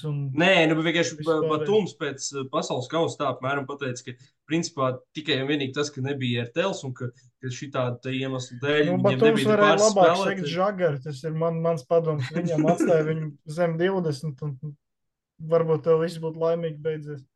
Mēs tas jau tomēr kas... arī runājam par Tomāru Tēlu, nevis par pasaules basketbola superzvaigzni. Tas ir Tomāru Tēls. Viņš, tu, viņš ir labs, bet vai viņš ir tiešām tik nu, nereāli labs, lai tagad mēs uh, jā, visi gaudot mēdījos, ka nu, tas bija tas viens, kas mums pietrūka. Jo Latvijas nu, piemēram, bija, nu... es nedzirdēju, ka par porziņu kaut ko gaudot. Un porziņš nu, un ar tels, nu tur ir tiešām kā, kā man līdz mēnesim. tur ir tik milzīgi tāda starpība. Bet, nu, Tā turpinām, bet nu piekrītat, gada idiots, gada cirvītis, saucat kā gribat, diezgan pārliecinoši. 22. aprīlis. Pirmās baumas parādās, ka Ergins Atamans trenēs Atēnu Panatinaikus. Laicīgi īstenībā, jā, diezgan. Man liekas, tas bija vēlāk.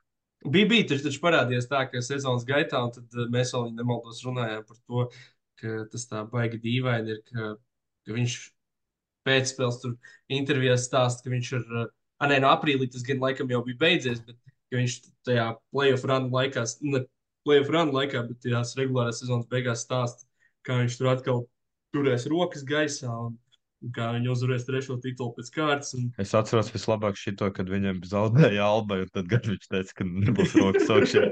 Sorry, Džeki. Bet, uh, starp citu, rokas bija augšā, tad, kad uh, Double Game Weekā mēs par šo laikam vēl nerunājām. Elija Kobo izpildīja fantastisku gājienu ar soda metienu, centās attēlot savu, atdarināt savu čomu Čimu Moneki.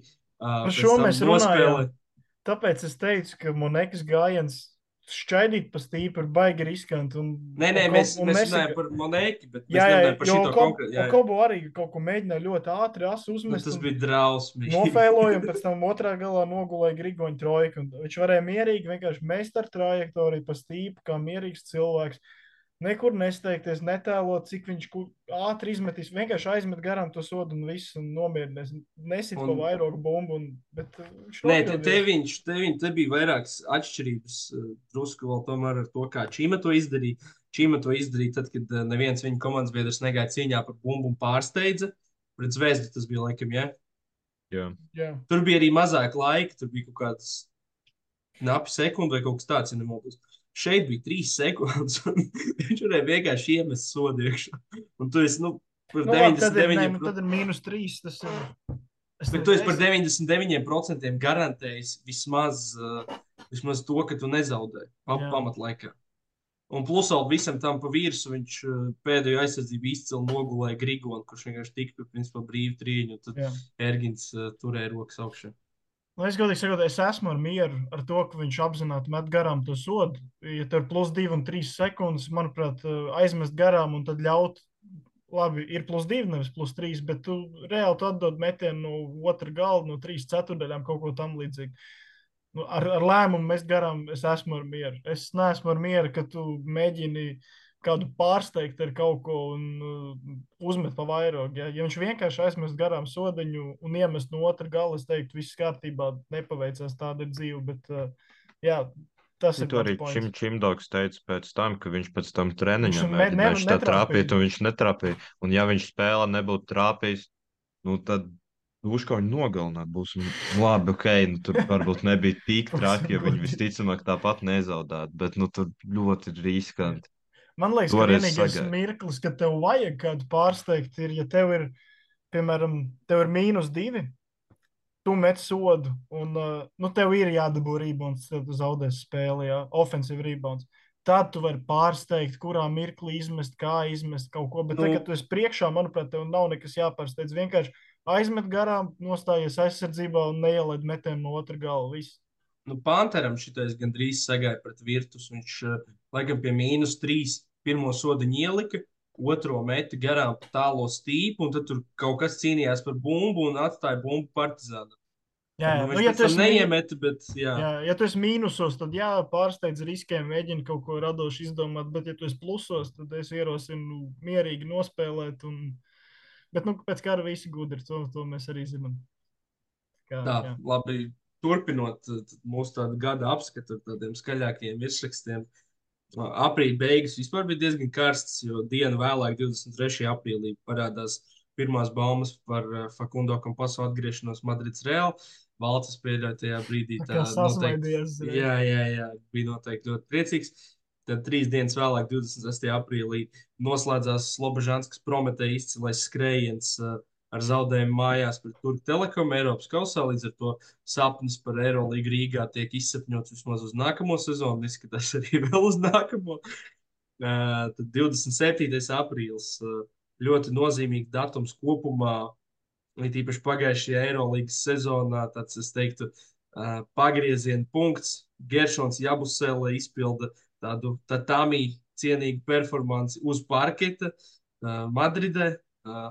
Žņauds kaujās, ko tik vēl nedara. Uh, dienu vēlāk viņam tiek piešķirta piecu spēļu diskvalifikācija, uh, kas rezultējās ar to, ka viņš var spēlēt nākamās sezonas pirmajā spēlē. Starp citu, es tagad atcerējos, tā, kad Real Madrid spēlē pret Partizanu, tagad kaut kad decembrī. Cepura laikam tā bija. Bija, bija, bija. Not my problem. Viņam bija cepura ar uzrakstu Not my problem. Vienkārši. Un es nezinu, tas ir tas, ko arī Dante Eksums tur teica, ka, nu, kā, ka kaut kādas cilvēcības pazīmes tur parāda, vai nu, tur vai tu atvainojies vai kaut ko, vai, nu, ka Geršans atvainojās tur tikai tad un tikai tādā veidā, lai tur samazinātu savu diskābeli un tam līdzīgi, ka tur ne, netur Dantem neko, un tas bija vienīgais iemesls. Un tikai tad, kad sapratu, ka ziepes ir sataisītas un vajag mīkstināt savu vainu. Ja? Bet, nu, sirdsapziņas pārmetumu, kā redzam, nekādu viņam nav, viss ir kārtībā. Viņš ir Eirolandes čempions. Jā, diemžēl. Bet tā, Es tur diezgan droši, tur ka tas- E- RTL čoms viņš. Tad Viņa bija tā, ka es starp citu pat varu pateikt, toreiz, tā, kad ar Tels bija sameties. Viņš un Tomkins izsvied ārā. Jā, jā, Absel bija trešais, bet viņu, Jā, viņš, viņš ļoti labi spēlē, tāpēc viņu tajā brīdī iespējams kļūdai neizmet.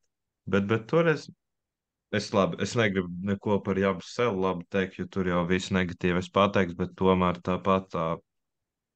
Tie liekas, partiz, partizānam arī nevajadzētu nekādus svētos no sevis mētāt, jo tur pēc Nu, spēles. Pagaid, tas bet nu viens ir pilnīgs idiots, Jabu Nē, Selīns, nē, nē, nē, tajā protams, es jau vispār nestrīdos. Es vispār neko es par to es tīri, ka pēc tās spēles tur partizanārs teica, ka eksums viss beidzies, visu kāju salauzta. Viņš pat teica, ka tur ir pārbaudīts un viss viņš nekad vairs nespēlēs. Un tad viņš pēc Nu, divām tā viņš dienām neteica, spēlēs. ka sezona beigusies. Nu, es- bet, Tā viss ir Nu, Labi, bet to nevar, to nevar salīdzināt. ko Es nē, nē, nē, paņēmieniem, nu, protams, protams, jā, bet vēl lielākais loks tur vispār nav jautājumu. Arī cepuri šausmīgi no Es vienkārši domāju par to cik Tas ir pusgadu vecs notikums, un apmēram nu, tu esi tas, kurš apbežoja citus, nevis otrādāk. Ja? Un, un kā, es saprotu, ja Eksums ir apvainojies, bet par, kāpēc viņam vēl ir jāturpina šis jāvelk cepuri kaut kādā? Es nesaprotu, nu, sēdi klusi stūrī, nomierinies. eh, Kas bijis, bijis, dzīvo tālāk. Dzīvo tā kā šāds dzīvo. Saka, kas bijis, bijis, viss kārtībā, mocam tālāk. Nē, viņš atkal viņš atnāk, uzvelk cepuri, kaut ko priecājas. Nu, tā, tas man liekas vienkārši, kā valsts teiks, radošs, radošs lēmums. Nu, nav pilnīgi zīmols finālī, diemžēl. Nu, muļķis viņš ir, nu, ko, ko tur teikt. Nu, nekas jauns, diemžēl. Labi. Bet, nu, labi, Bija pilnīgi, pilnīgi piekrītu. Norbert. Nu, tad uh, 20 dienas vēlāk, kaut kur sāks 19. maijā, sāks Eirolandes Final Four. Uh, Pirēja Olimpijākus ar uh, fantastisku trešo ceturdaļu un otro puslaiku kopumā pilnībā izslēdz Maiku Džeimsu un partners. no 27, 2. Trešā ceturtdiena. Ceturdaļa, jā. Un Madrids reāli pusklibi noliek uh, gar zemi Barcelonu. Barcelonai kārtējs fiasko, Roks Jokubaits vēl pazaudēja zobu. Uh, Nē, nu Es gribēju atradi. teikt, pat pusklibi, veci un ar zonas aizsardzību. Bija. Negaidīt. Bet, nu, Un tā Jā. bija tā Mirotiča spēle, kad uh, jā, nekas Mirotičs netiek Jā. galā ar 18-gadīgu jaunieti. Tas Arī di- divas, divas dienas vēlāk, eh, Sergio Juļs 39 minūtes un 55 sekundes nedara pilnīgi neko. Nu, tādu rezultīvās darbībās, domāju, punktu izteiksmē. Un pēdējais metiens pret garāko pretspēlētāju laukumā ar milzīgu trajektoriju. Šķiet, ka laiks uh, nedaudz apstājas Žalgira arēnā. Un viņš iemet. Un viņš iemet. Un, Klausis Lukas aizmet garām pēc tam pēdējo metienu. jā, Un mēs skrienam laukumā, svinam. Vispār super mačs bija. Abas komandas, uh, katra savā veidā parādīja meistarību. Gan kā uzlikt zonu, kā sekt zonu, tad kā apspēlēt. Canons iemet kā 20, bija ļoti laba spēle. Un, nu, bija tiešām skatām gan no taktikas, gan no izpildījuma viedokļa. Man ļoti patika. Un, un bija arī nu, Olimpijāks slēgt priekšā. Tur tur 4 punkti, 6 punkti, kaut kas tāds. Un tad pēdējā minūtē čačā pāriet pāriem ar trojku mīnus viens. Un tad viņi atsitās, un tad ir uh, Sergio Juļs pēdējais metiens. Tā kā, Ja es nu, jā, tā, nemaldos, tā čāčā trojka arī bija ļoti, Jā, jā. ļoti svarīga. Kačo bija izcils vispār kopumā. Tagad īstenībā atgriežoties Fantastiski, tajā, mo jā. tajā momentā, tajā momentā bija, sapratu, to, ko teicu pēc tam, kad Čačo iemet trojku, tā aizsardzība, ko viņa atsitās. Is... Olimpijākas nospēlē, man liekas, varētu būt savu top 3 sliktāko uzbrukumu spēlē, kurš noslēdzas ar Mustafas Folu floateru no sodiņa, un tas pat nebija uzbrukuma pēdējās sekundēs, cik es atceros, tas bija tāds vienkārši tāds lēmums, kas tika pieņemts, tika izskēmots, ka tas būs labākais, ko darīt. Un, un es atceros, ka pirms tā pēdējā uzbrukuma, tieši kā jūs teicat par Čaču, es biju, es biju tajā brīdī 100% droši, ka viņam dos spēlēt pick and roll, jo tas bija strādājis visu ceturto ceturdaļu, viss notika, bet, bet tomēr, tomēr iedeva kungam, kam, ied, kam iedeva, un viņš, viņš nokārtoja ļoti skaisti. Šis arī, kad es skatījos, kad Basket News bija Laso interviju, un tad viņam rādīja kaut kādas vecās Madrides reāla epizodes un lika komentēt, un tad tur arī bija kaut kāda jūļa uh, izšķirošie metieni vai kaut kāda piespēle, vēl kaut ko, tad viņš arī stāstīja par to lomu sadalījumu, ka visi zina savus lomas, visi zina, kurš ir rebounders, ka JC Carrolls ir metējs, un viņš ir teicis, and of course our clutch player, jā, Sergio Juļs, un Tad tādā ziņā, tad, laikam, arī Čusmateo kaut kādā ziņā pārmantoja, ka, lai gan Čačo spēlē superīgi un cits spēlē superīgi un Juļs ir sausā, bet tik un tā paliekam pie recepta, ka mūsu klačs spēlētājs ir Sergio Juļs un iedeva arī viņam bumbu. Viss pārējais ir vēsture. Tieši tā. Un uh, tev uzreiz arī jāpiemina tas, ka tas regulārās sezonas uzvarētāja kurs turpinājās. Un, uh, Interesanti, vai šo sezonu turpināsies. Nu, es, es, godīgi, es, es gribētu, lai Madrid zaudētu tajā vienā spēlē. Vislabāk pret, kam, ja pret Boloņas Virtus vai, vai Monako, bet uh, es laikam neredzu, ka tas varētu notikt. Un, uh, nu jā, kaut kā, kaut kā neredzu to. Nu, tāpēc man jau liekas, ka tev lūzis. Vienā spēlē, ja kas var notikt, principā. Tas, nu, tas, tomēr, un, un, ja, un, ja reāls māja beigās zaudēs, tad es nezinu, vai tur runās par to, cik tas ir skaisti. Nu, prot, ne, tas tā vairāk, tas tā ģenerāli, ka tas mani neskar. Tā, tā tas ir skaisti, bet tā kā kopējā bildē. Protams, jā, ka tu esi zaudētāji lomā šajā, tad tas, tas krietni sāpīgāk. Īstenībā mēs esam runājuši par uh, šo Eirolandes formātu, ka tur, piemēram, NBA viņi spēlē sērijas vai uh, vietējās līgās spēlē sērijas, un Eirolandā tas Final Four, vai tas ir labi vai slikti. Es teiktu, ka labi. Nu, gan tas, ka ir tie vēsturiskie mirkļi, ja, ja tu tur iemet izšķirošo mm, finālā, piemēram, vai tam līdzīgi, ja, tas tomēr ir kaut kā īpašāk nekā ar veselu sēriju, tad tu vari aizmirst kaut ko. Un arī tas, ka mums šodien ir intriga. Jo, ja būtu sērijas, nu, es teiktu, ka nu, nav intriga. Tad, ja būtu līdz trīs vai četrām uzvarām jāspēlē, es nezinu, vai būtu vērts pieslēgties finālam. Bet, nu, tagad mēs varam visu kaut ko gaidīt brīnumu, un vienā spēlē tiešām viss ir iespējams. Nu, un, ja reāls neuzvar kā pirmais sīts, tad es uh, nezinu, kurš cits pirmais sīts vispār kaut kad varēs lauzt šo lāstu. Jā, Piekrītu. Nu, viņi izskatās nenormāli labi. Bet, ok, nu, ejam iekšā starpsezonā. Uh, pēc principā viena gada darba, 6. jūnijā atkāpās Maršals Glikmens. Nu, tagad atskatāmies, es pat biju aizmirsis par viņu godīgi. Kā Eirolandes vadītājs. Uh, nu, viņam bija kaut kāds pāris idejas par tām par translācijām. Viņš, viņš tur solīja uh, kaut ko saskēmot par tiem translāciju laikiem, lai viss nesākās, bet nekas nav mainījies.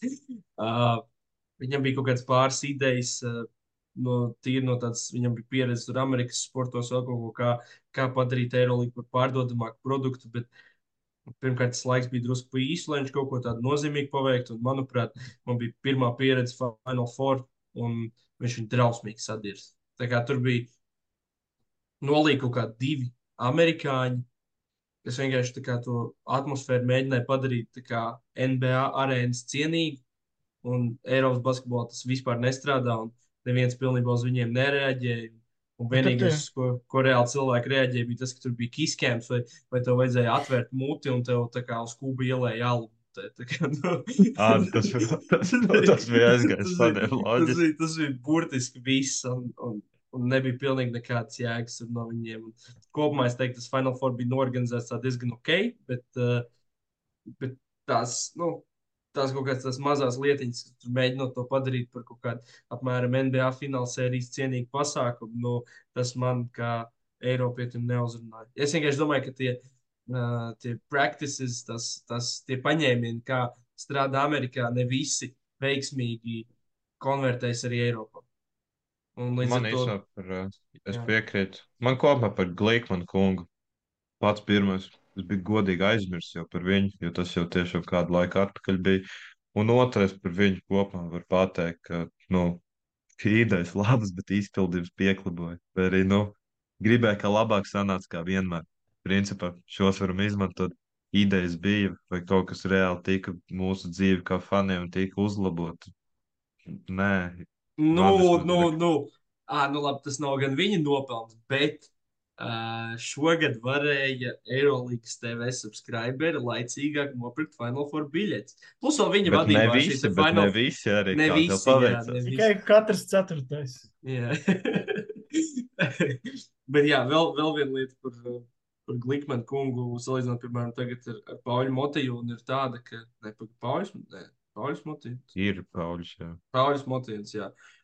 Uh, ir tāda, ka par Motiju, un man ir diezgan skaidrs, ka viņš ir ļoti investējies tajā visā, un, un tiešām to uztver ļoti nopietni. Tad par Glikmanu kungu man nebija tāda, nu, pašam tīri pēc tāda vaiba sajūta, ka viņš te, nu, ka viņš ir baigi investējies šajā un tiešām jā. tā no sirds grib kaut ko te izmainīt un uzlabot. Man liekas, ka viņš vienkārši apmēram tā.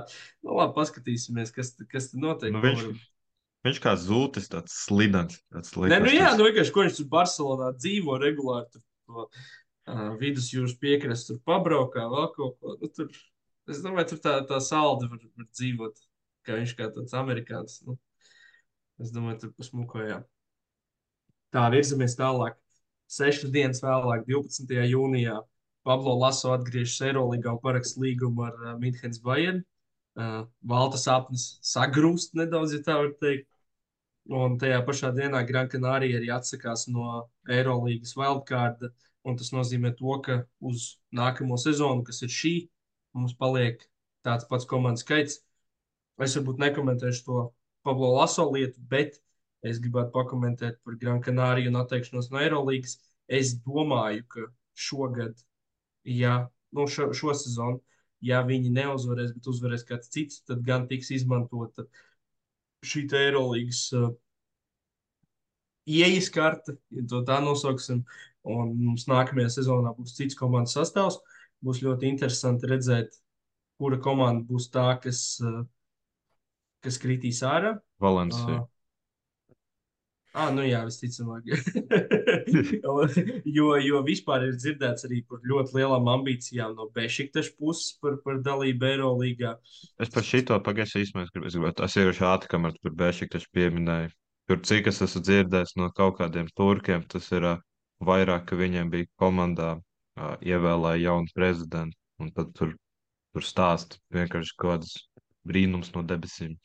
Nē, tas- tas ir- tas ir leģit, uh, tas ir tā ir prezidenta vēlme, viņš arī ir piesaistījis krietni vairāk naudu, un tad, kad, uh, kad Rīgā bija Bešiktaša spēle, man tur puslaikā izdevās uh, parunāties, un tad man, man stāstīja, ka viņi diezgan nopietni tēmē, un, un viņi jau ir veikuši kaut kāds pat nepārrunas vai kaut ko tam līdzīgu par kaut kādu potenciālu wildcard, bet viņiem, viņas principā Nu, es domāju, ka jāuzvar. viņiem nespīd īsti, jo tur jau Nu jā, nu, tur tā lieta. Stambuls komandas. Bet, nu, jā. Nē, bet tās ambīcijas ir diezgan reālas un tādas pašas ir arī prometējami, bet uh, viņi, teiksim, uz to varbūt neiet tik ļoti mērķiecīgi. Uh, Parīzi ļoti grib tur spēlēt, uh, Londona grib spēlēt. Es domāju, ka, ja mēs salīdzinām Londonu un Parīzi, tad Londonai ir vēl varbūt pāris gadus uh, jānobriest. Uh, Parīzē vēl- tomēr arī diezgan reāls iespējas uzvarēt un Eiropausā un tiek pa, pa to. nu, Jā. es godīgi, godīgi es teiktu, ka Parīze ir tāda līmeņa komanda, kas uh, šobrīd sistos par, uh, nu, viņi būtu ap play-in robežu Eirolandā šobrīd. Es nezinu, cik daudz jūs esat redzējuši, bet tā komanda vienkārši spēlē fantastiski. Nu, tas ir nereāls basketbols, tiešām, ko viņi demonstrē Eiropā. Tā, 26. jūnijas Latvijā visi atgūstās paģiraini no, no svētku svinēšanas. Tikmēr eh, galvas sāpes turpinās eh, kādam lietuvietim, kurš paliek bez darba. Šarons ir uh, pamet Barcelonu oficiāli. Tajā pašā laikā arī sākās uh, Nikols Mirotičs tā sāga. Uh, tur es jau neesmu. sākās ne pēc, pēc Final Four. Jau, Nu, liekas, nu vasarā, es saku, starpsezonā. Jā. Jā, jā. Uh, tā, kas viņi gāja principā visu vasaru. Uh, jā, nu, ļoti. Es pat nezinu, kā lai, ko, ko lai pasaktu par šo. Jo, Nu, ļoti daudz bija. Nu, ilgi, jā. Un Dažādiem līkločiem un tā. Pārāk, pārāk daudz uzmanības pievērsām tam visam. Bet, uh, man liekas, ka priekš, priekš Eirolandes kaut kāds šāds stāsts ir noderīgi. Un, un tas kaut kā palielina to cilvēku interesi varbūt arī arī vasarā, jo tas varbūt ir tas, tā atšķirība starp uh, NBA, piemēram, tur tomēr starpsezona arī ir ļoti interesanta cilvēki ļoti aktīvi seko līdzi, kurš, kurš ir bijis kurā striptīs klubā, kurš, ir, kurš tur ir dzēris, ko, kurš ir ar ko parakstījis, kurš nav trenējies, kurš ir braucis dzērumā, kurš ir, kurš ir atkal kāda sieviete piekāvis, un nu, tam visam tur ļoti seko līdzi. Un visas šīs lietas tur ir ļoti, ļoti augstā cieņā. Kurš ir, kurš ir atkal šaudījies ar kādu ieroci, kur, kurš ir. Šī tas populārākais, es pat teiktu, tā kopumā Kurš ir, iecienīts. kurš ir zāli pīpējis, kurš ir, kurš ir pieprasījis kādai sievietei atsūtīt video, kur viņa dzer, uh, dzer šo te kontracepciju. Nu, jā, tur tā teikt, senda video. Kas tik, diemžēl, kas tik, diemžēl, tam tur redzēts, jā. Jā, tur, nu, tur starp, labi, tas šitie jau pāris notikumi, tiem, ko es teicu, notiek sezonas gaitā, bet tur kopumā daudz vairāk seko lietām, kas notiek ārpus laukuma. Es Jā. domāju, ka arī notiek daudz vairāk nekā šeit. Es domāju, ka Es cita jau godīgi šaubos. Nē, Es- nu, tur es- es noteikti- domāju, noteikti ka vairāk. ir. Vairāk Pal- sūdu varbūt tomēr. notiek, bet, uh, nu, es domāju, no, no Eiropiešiem varbūt neviens nešaudās. Tāpat Nē, nu- domāju, noteikti kaut kāds. Varbūt arī es, es gribētu ticēt, ka, ka sievietes tik daudz netiek īstas, bet uh, Tas, tas būtu tas būt ļoti labi. Bet es kopumā es par to, ka es domāju, ka tāpat mums notiek pietiekami muļķības. Ir dzirdēti, piemēram, ka kungs Kazaņā iebrauc ar mašīnu upē. Ir tā gadījies.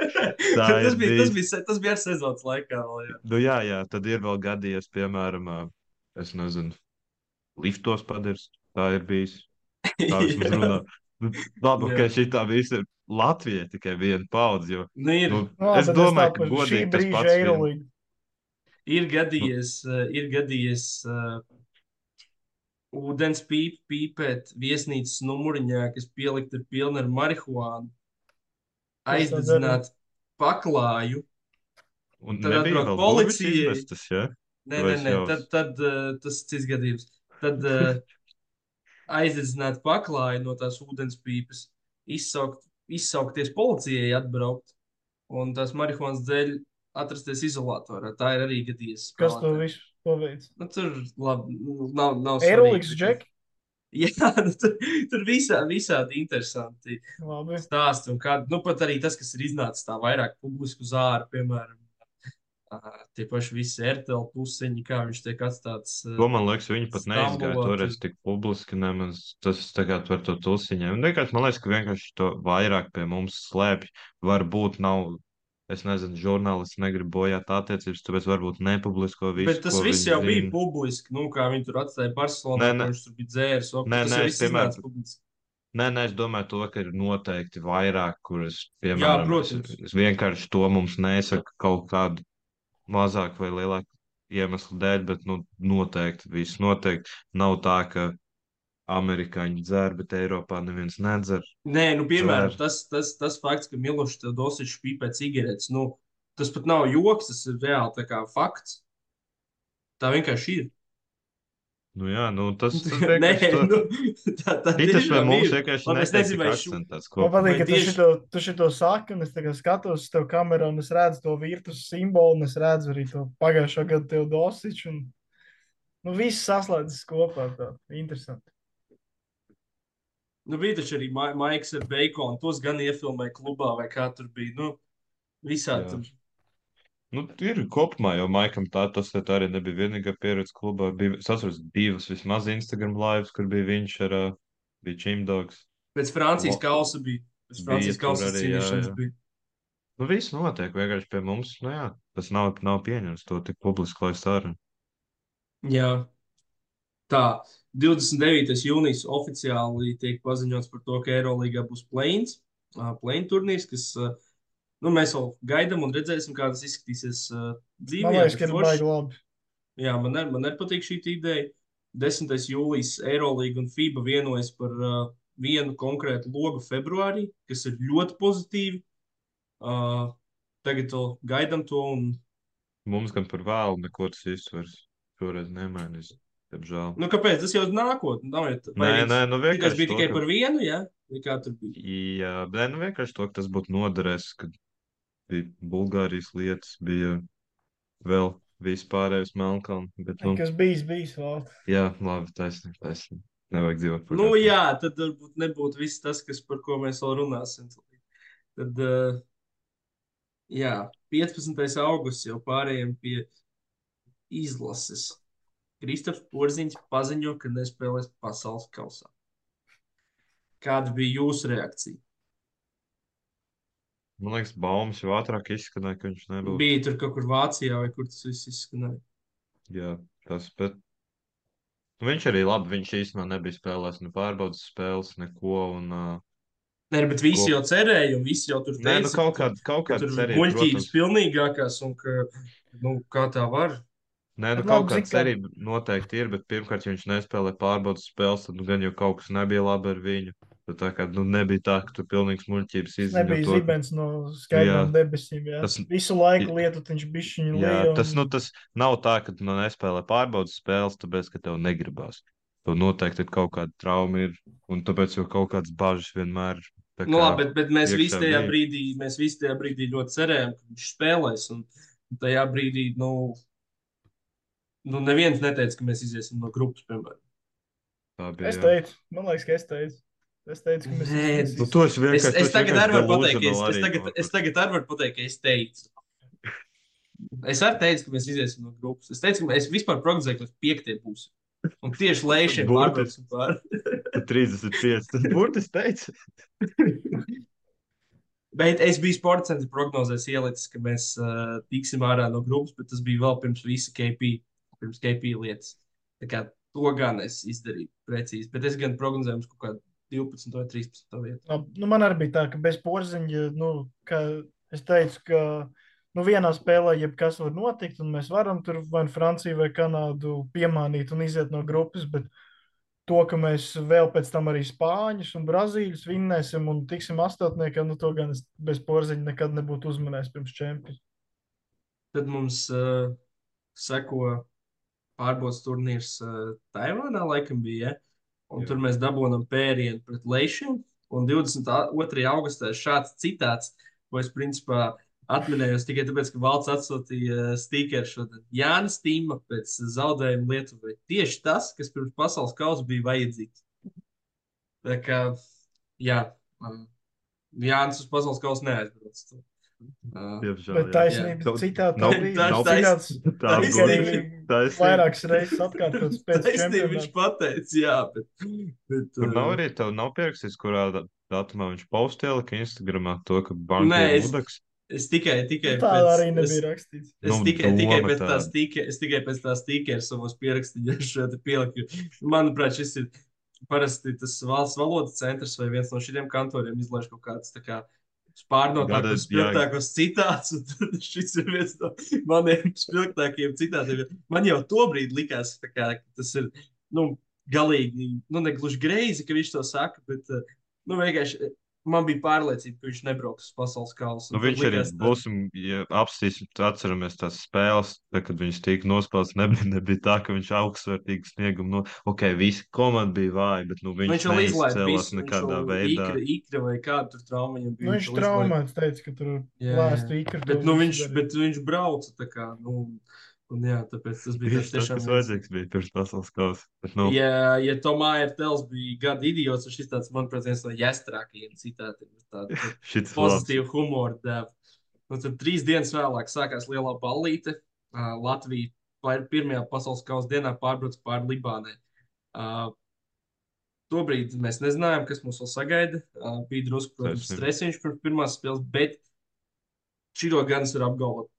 Es biju viens no retajiem, kurš uh, gāja. Nepiekrita Dairim Bartānam. kurš, jā, kurš, nu, es saprotu, ka vajag tur novērtēt pretinieku vai kā, bet, nu, es biju par 90% pārliecināts, ka mēs pārbrauksim pāri. Lai man piedod Vails, Ragģī, Omārijas Spēlmans un pārējie censoņi, arī tas, kurš tur bija ar, ar Otto Ošinieku spēlējis kopā NCAA. Nu, nu, tā ir pavisam cita līmeņa komanda, un mums tur vajadzēja pārbraukt pāri tieši tā, kā mēs to arī izdarījām. Jo daudz man- teica, ka vajag novērtēt, un ka, ka mums var sagaidīt cīņu spēli, jo viņi, jo viņi ar, ar savu darābiem spēlējuši līdzīgi nopērnu. Tas tas gan ir rādīja pēc. Tas savu darābie, es nemaldos, bet basketbola līgas no. Tad, Nē, es, es, es, es nevainoju ekspertus. Vairāk šo tīru no, no tādas, vai es, es necenšos smieties par viņiem, vai kā tas vairāk tīri no tādas prizmas, ka mums ir, manuprāt, dažkārt uh, vajag vairāk sevi pacelt uz augšu. Jo es ļoti šaubos, ka Lietuvā, piemēram, pirms šādas spēles vairākums tur mēģināt tur novērtēt pretinieku vai ko. Viņi, ja nemaldos, pasaules kausa sāk pret Eģiptu. Es esmu diezgan drošs, ka tur bija tikai viena doma, nu, pārbraukt pāri un, un ejam tālāk. Un uz šito spēli pat neskatāmies. Nu, es saprotu, ka mums bija debija vai piesardzība vēl kaut ko, bet es ceru, ka tāpat būs arī. Olimpiskajās spēlēs, nu, vienalga ir Jordans Clarksons vai nav, mums ir jābrauc pāri Filipīnām. Uh, tad, kas mums tur vēl bija? Grūzija. Nu, Grūzija arī jābrauc. jābrauc. Nu, tas ir Jābrauc. savādāk, bet nav varbūt jābrauc pāri, bet tā ir jāņem un mums vienkārši jābrauc uz Olimpiskajām spēlēm. Bet par. Lietuvu Libānas spēli man kā, kā, kā jau minēju, bija nedaudz, nedaudz satraukums. bet Tad, cik es atceros, es man liekas, spēles puslaikā es tev, tev rakstīju WhatsApp, ka laikam tomēr neprot visur basketbolu spēlēt. Jo nu, tur vazāja, nu, bez variantiem. Un tur jau principā pirmajā ceturdaļā viss bija skaidrs diezgan ātri to, ka te visi, visi principā jau varam gatavoties uh, Francijai. Divas Jā, dienas nu, vēlāk. tad divas dienas vēlāk eh, Latvija, Francija viena no skaistākajām uzvarām. Uh, spēle, kas ieveda mūsu nākamajā kārtā, joprojām uh, regulāri pat neierakstos vai kā, bet uh, Ceturtais vienkārši redzot, redzot, redzot Bayern uh, spēles, vienmēr pasakāmies Silvēnam Francisko par pēdējo metienu. Uh, paldies arī Arturam Kuricam par to, ka izved no pacietības Nando de Colo. Uh, paldies Šmitam, ka galotnē iemet pēdējos, nu ne pēdējos, bet četras punktus pie mīnus trīs. Nu, un soļ. vienkārši tiešām viena no skaistākajām uzvarām un, un ievadīja šo te sapņu skrējienu. Es personīgi šito liktu, bet man no visu, ko es redzēju Latvijas basketbola izlasē, šī man būtu pašā pirmajā vietā tieši šī spēle. Jo, jo līdz, ši, līdz šitam īsti nebija nekādas plašākas ticības, diemžēl, ka, ka kaut kas sanāks, un pēc šitā bija, man liekas, ka es šito vērtēju augstāk, gan kā pret, tā, pēc tam pret Spāniju, gan arī, labi, Brazīliju, ok, bet šitā, šitā priekš manis bija patī, patī emocionālākā spēle. Nu, re, kur ko- es, es, Man es, arī. jā. es Kanādu izlaidu, bet noteikti, kur pa- es tikmēr ieliešu sev ūdeni un izslēgšu mikrofonu, bet tad nākamie divi datumi, 1. septembris, 3. septembris, Latvija, Spānija, Latvija, Brazīlija. Nu, pastāstiet, kas jums ir atmiņās no šīm spēlēm. Man personīgi pēc tā Spānija, godīgi, es, pēc tās Francijas spēles man radās kaut kāda ticība. Nu, pat ne kaut kāda ticība. Es biju, tā kā es neteiktu simtprocentīgi droši, ka mēs uzvarēsim, jo Spānija ir Spānija, bet, nu, vismaz pārliecība, ka mēs neaizbrauksim un nebūsim klienti tur. Un, un tā bija kopumā. Es pat negribu teikt, ka gaidītu uzvaru, bet tā, es personīgi nebija tā, ka uz to spēli gāja ar domu, ka es nezinu, nezinu kā lai pasakā īsti. Ka pirms šīs spēles domāju, ka tur varbūt nav variantu vai kaut kas tāds, bet es biju relatīvi drošs, ka viss būs kārtībā, mēs uzvarēsim. Un, un, Bet tāpat nācās izlīst no sūdiem. nu, protams, Nu, bet, bet nu, kā kam- tad bez tā? Nav kā- interesanti. kā savādāk, negad- ja? Nu, vajag tiešām tā, tiešām tā. Un, un es par otro spēli, kas bija pret Brazīliju, es atceros, ka es tieši tajā dienā lidoju projām. Un uh, man bija internets līdz pirmā puslaika beigām. Es redzēju pirmā puslaika rezultātu. Man Tas vēl bija spraigs. jā, tur bija plus mīnus neizšķirs vēl. Nu, varbūt Latvija bija minimāla vadībā. Tad man pacēlās lidmašīna un uh, bija uh, neatceros, astoņu stundu lidojums, kad es nezināju, kas notika.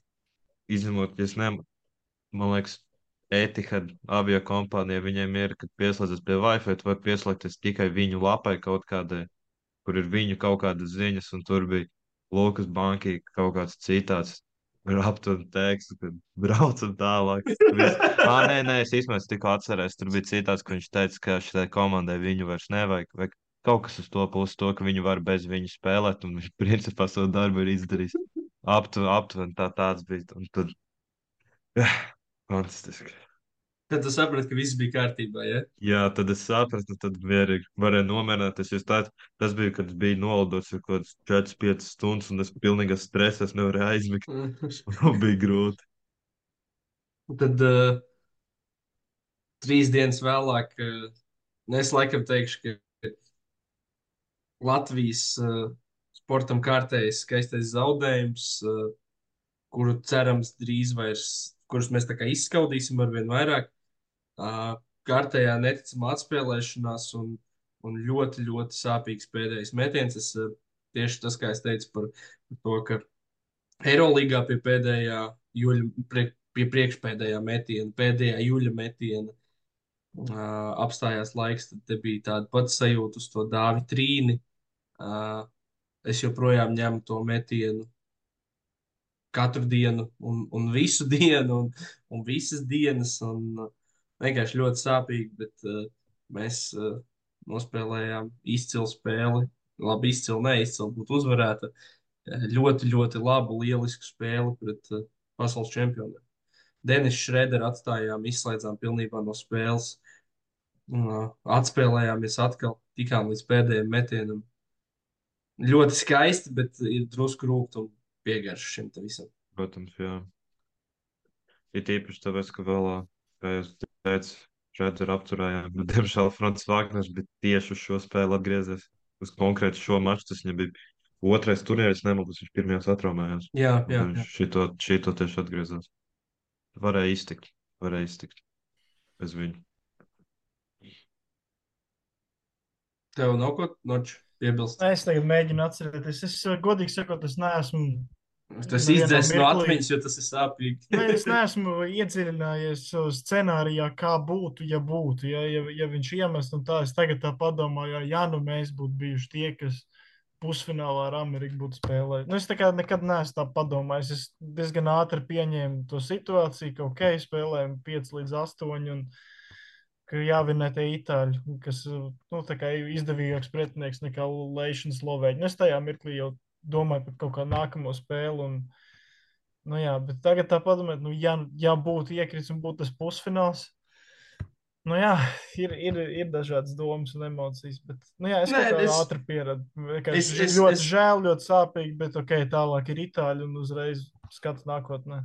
Es, es necenšos varbūt pat tik ļoti no tās, no tās prizmas, kā būtu, ja būtu, bet vairāk vienkārši no tā tīri, ja mēs par to metienu runājam. Jo, jo tad bija daudz diskusiju un tā tālāk. Nu, tas bija metiens no cik 9,5 metriem. Jā, Nē, Nu, arī diezgan vairāk Tuvāk pat varbūt. Nu, nu, tas ir dāvja metiens. Nu, Es teiktu, ka tā pavisam vienkārši ta- tas būtu slikts metiens, ja mums būtu sānauts, kā Sergio Juļam, un tu vari sagatavoties 10 sekundes, pasaukt pikenu un izdarīt, ko vien tu vēlēsies, tad tas ir slikts metiens, bet ja tu skrien pilnā tempā no otra gala haotiskā situācijā, tad es ticu, ka tas bija viens no vislabākajiem risinājumiem. Jā. Jā, nu, es saku, vienkārši sāpīgs zaudējums. Dienu vēlāk eh, mēs atgūstamies pēc tāda nepārāk viegla spēles sākuma. Sagādājam dāvanu Lukam. Pasakam, paldies viņam. Principā. Es, tā, tā es to gribētu nodēvēt un uh, apspēlējam itāļus, kur es kaut kur dzirdēju, ka Simona Fonteka jau bija pateicis, ka viņš to spēli nespēlēs. viņš pat nebija slims vai kas, bet es laikam šis Žants Pēners kaut kur teica. Un, uh, Fonteka jau vienkārši izdomāja, ka viņš nespēlēs. Jā, nu, ka viņš, jā, izdomāja, ka nespēlēs. Andrejs Gražuls parāda, ā, cik viņam ir liels olas, teikšu tā. Ā, Un divas dienas vēlāk, jā, izmetā Latvijas-Itālijas spēle, varbūt mēs par viņu tik daudz nerunājam, vairāk tur tikai Gražuļa sakarā par to, bet tā bija reāla spēle, kas tiešām parādīja to, tās komandas to milzīgo raksturu. Jo, nu, noteikti nav viegli piecelties pēc tāda zaudējuma. Tur bija mazāk nekā 24 stundas. Un, un tā vispārējā situācija, ka šķiet, nu, tu vari nolaist rokas. un tev Nav, nav gluži uzreiz Slovenija vai Lietuva. Skaidrs, ka tu spēlēsi pret vienu no tām divām komandām, bet pret viņām, teiksim, nākamajā dienā, jebkurā gadījumā, tev būtu, manuprāt, vieglāk atrast to kaut kādu iekšējo motivāciju. Jo, principā, pret tādiem itāļiem, nu, tu, protams, vari cīnīties un motivēt sevi ar to, ka tu cīnies par piekto vai astoto vietu pasaulē, bet eh, tā nav medaļa. Tur arī kā iespējams, man liekas, tur nedaudz arī iegriezt tās, ka nu, olimpisko ceļzīmi nevarēja vairs dabūt. Jo Jā, arī- arī tas, ir doma tām spēlēm, tad uh, man pat liekas, ka tā kā galvenie, kam bija tiešām īpaši šito spēli papildu motivācija, bija tiem, kuriem ar Itāliju ir sakars, kas bija Luka, Andres Gražels un Arturs Strauciņš. Man liekas, ka citiem nebija īsti tajā momentā. Un tad varbūt viņam tas papildu, bet Es tā domāju, kop, uz kopējā fona tu esi tikko zaudējis ceturtdaļfinālu. Mazāk kā 24 stundas, kā jau teicu, nu, ļoti sarežģīti. To arī tur varēja redzēt.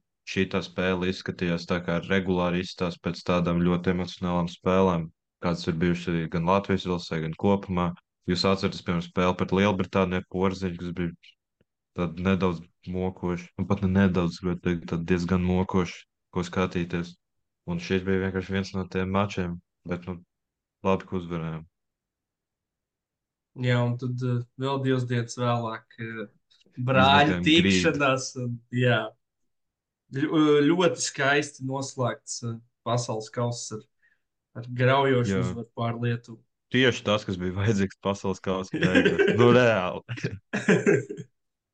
Tāpat es, ne, es negribu būt pieklājīgs, neko es teiktu, ka mēs viņus izvazājām. Nu, reāli. Nu, tā bez bija. nu, variantiem tur bija plus, plus 30. Plus 35.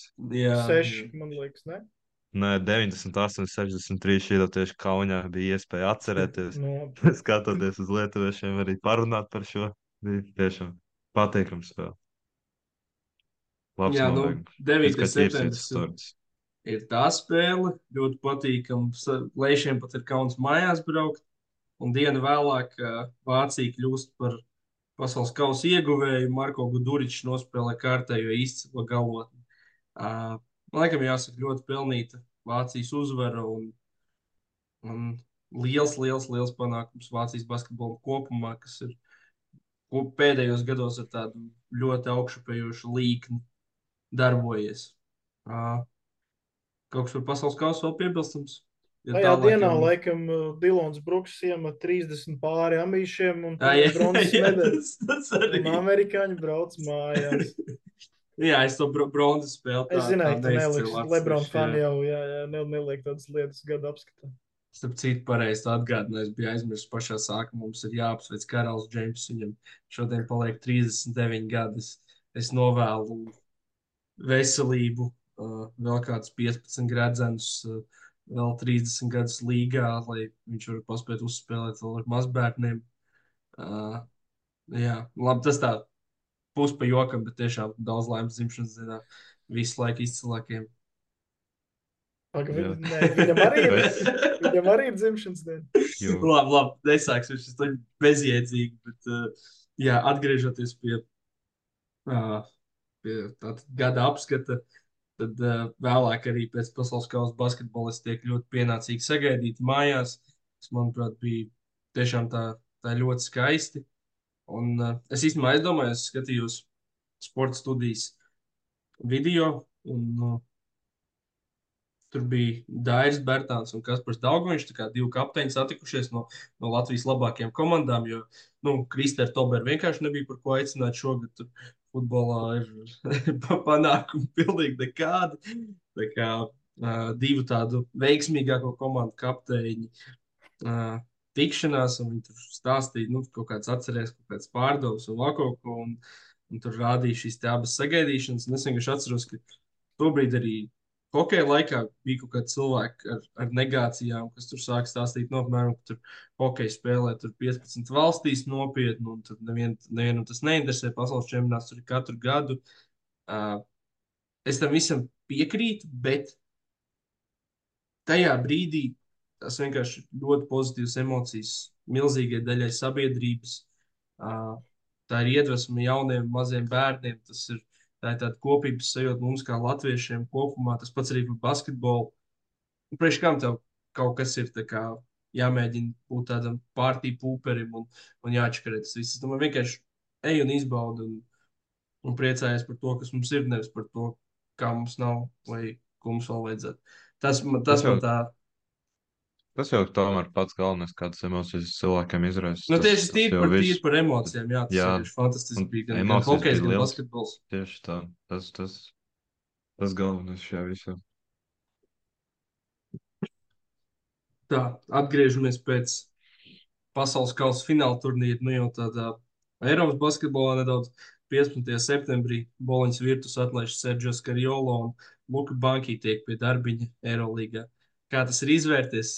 Redzam, pagaidām viss Bez iet ļoti, ļoti, ļoti skaisti un ļoti gludi. Trīs dienas vēlāk Arthurs Žagars oficiāli paraksta trīs gadu līgumu ar Stambuls Fenerbahču. 5. oktobris sākās Ulu Eirolandes sezona. Uh, 18. oktobris Rolands Šmits apsteidz Kambi un kļūst par otro visu laiku rezultātīvāko Latvijas top scoreru Eirolandā. Ja nemaldos, tad uh, cik tur bija vidēji, laikam, vēl kaut kāda pusotra sezona līdz strēlniekam vai divas. Man, liek, man liekas, pat vai bija tik daudz. Nu, šo, šo sezonu, man liekas, nu, nebija, nebija reāli, ja viņš tur nemet 30. Cik es sapratu, plānos nākamo sezonu. Tāds cik man aptuņā. Jā, jā, jā. Uh, 22. oktobris Cervēna zvezda atlaiž Duško uh, 17 dienas pēc sezonas sākuma.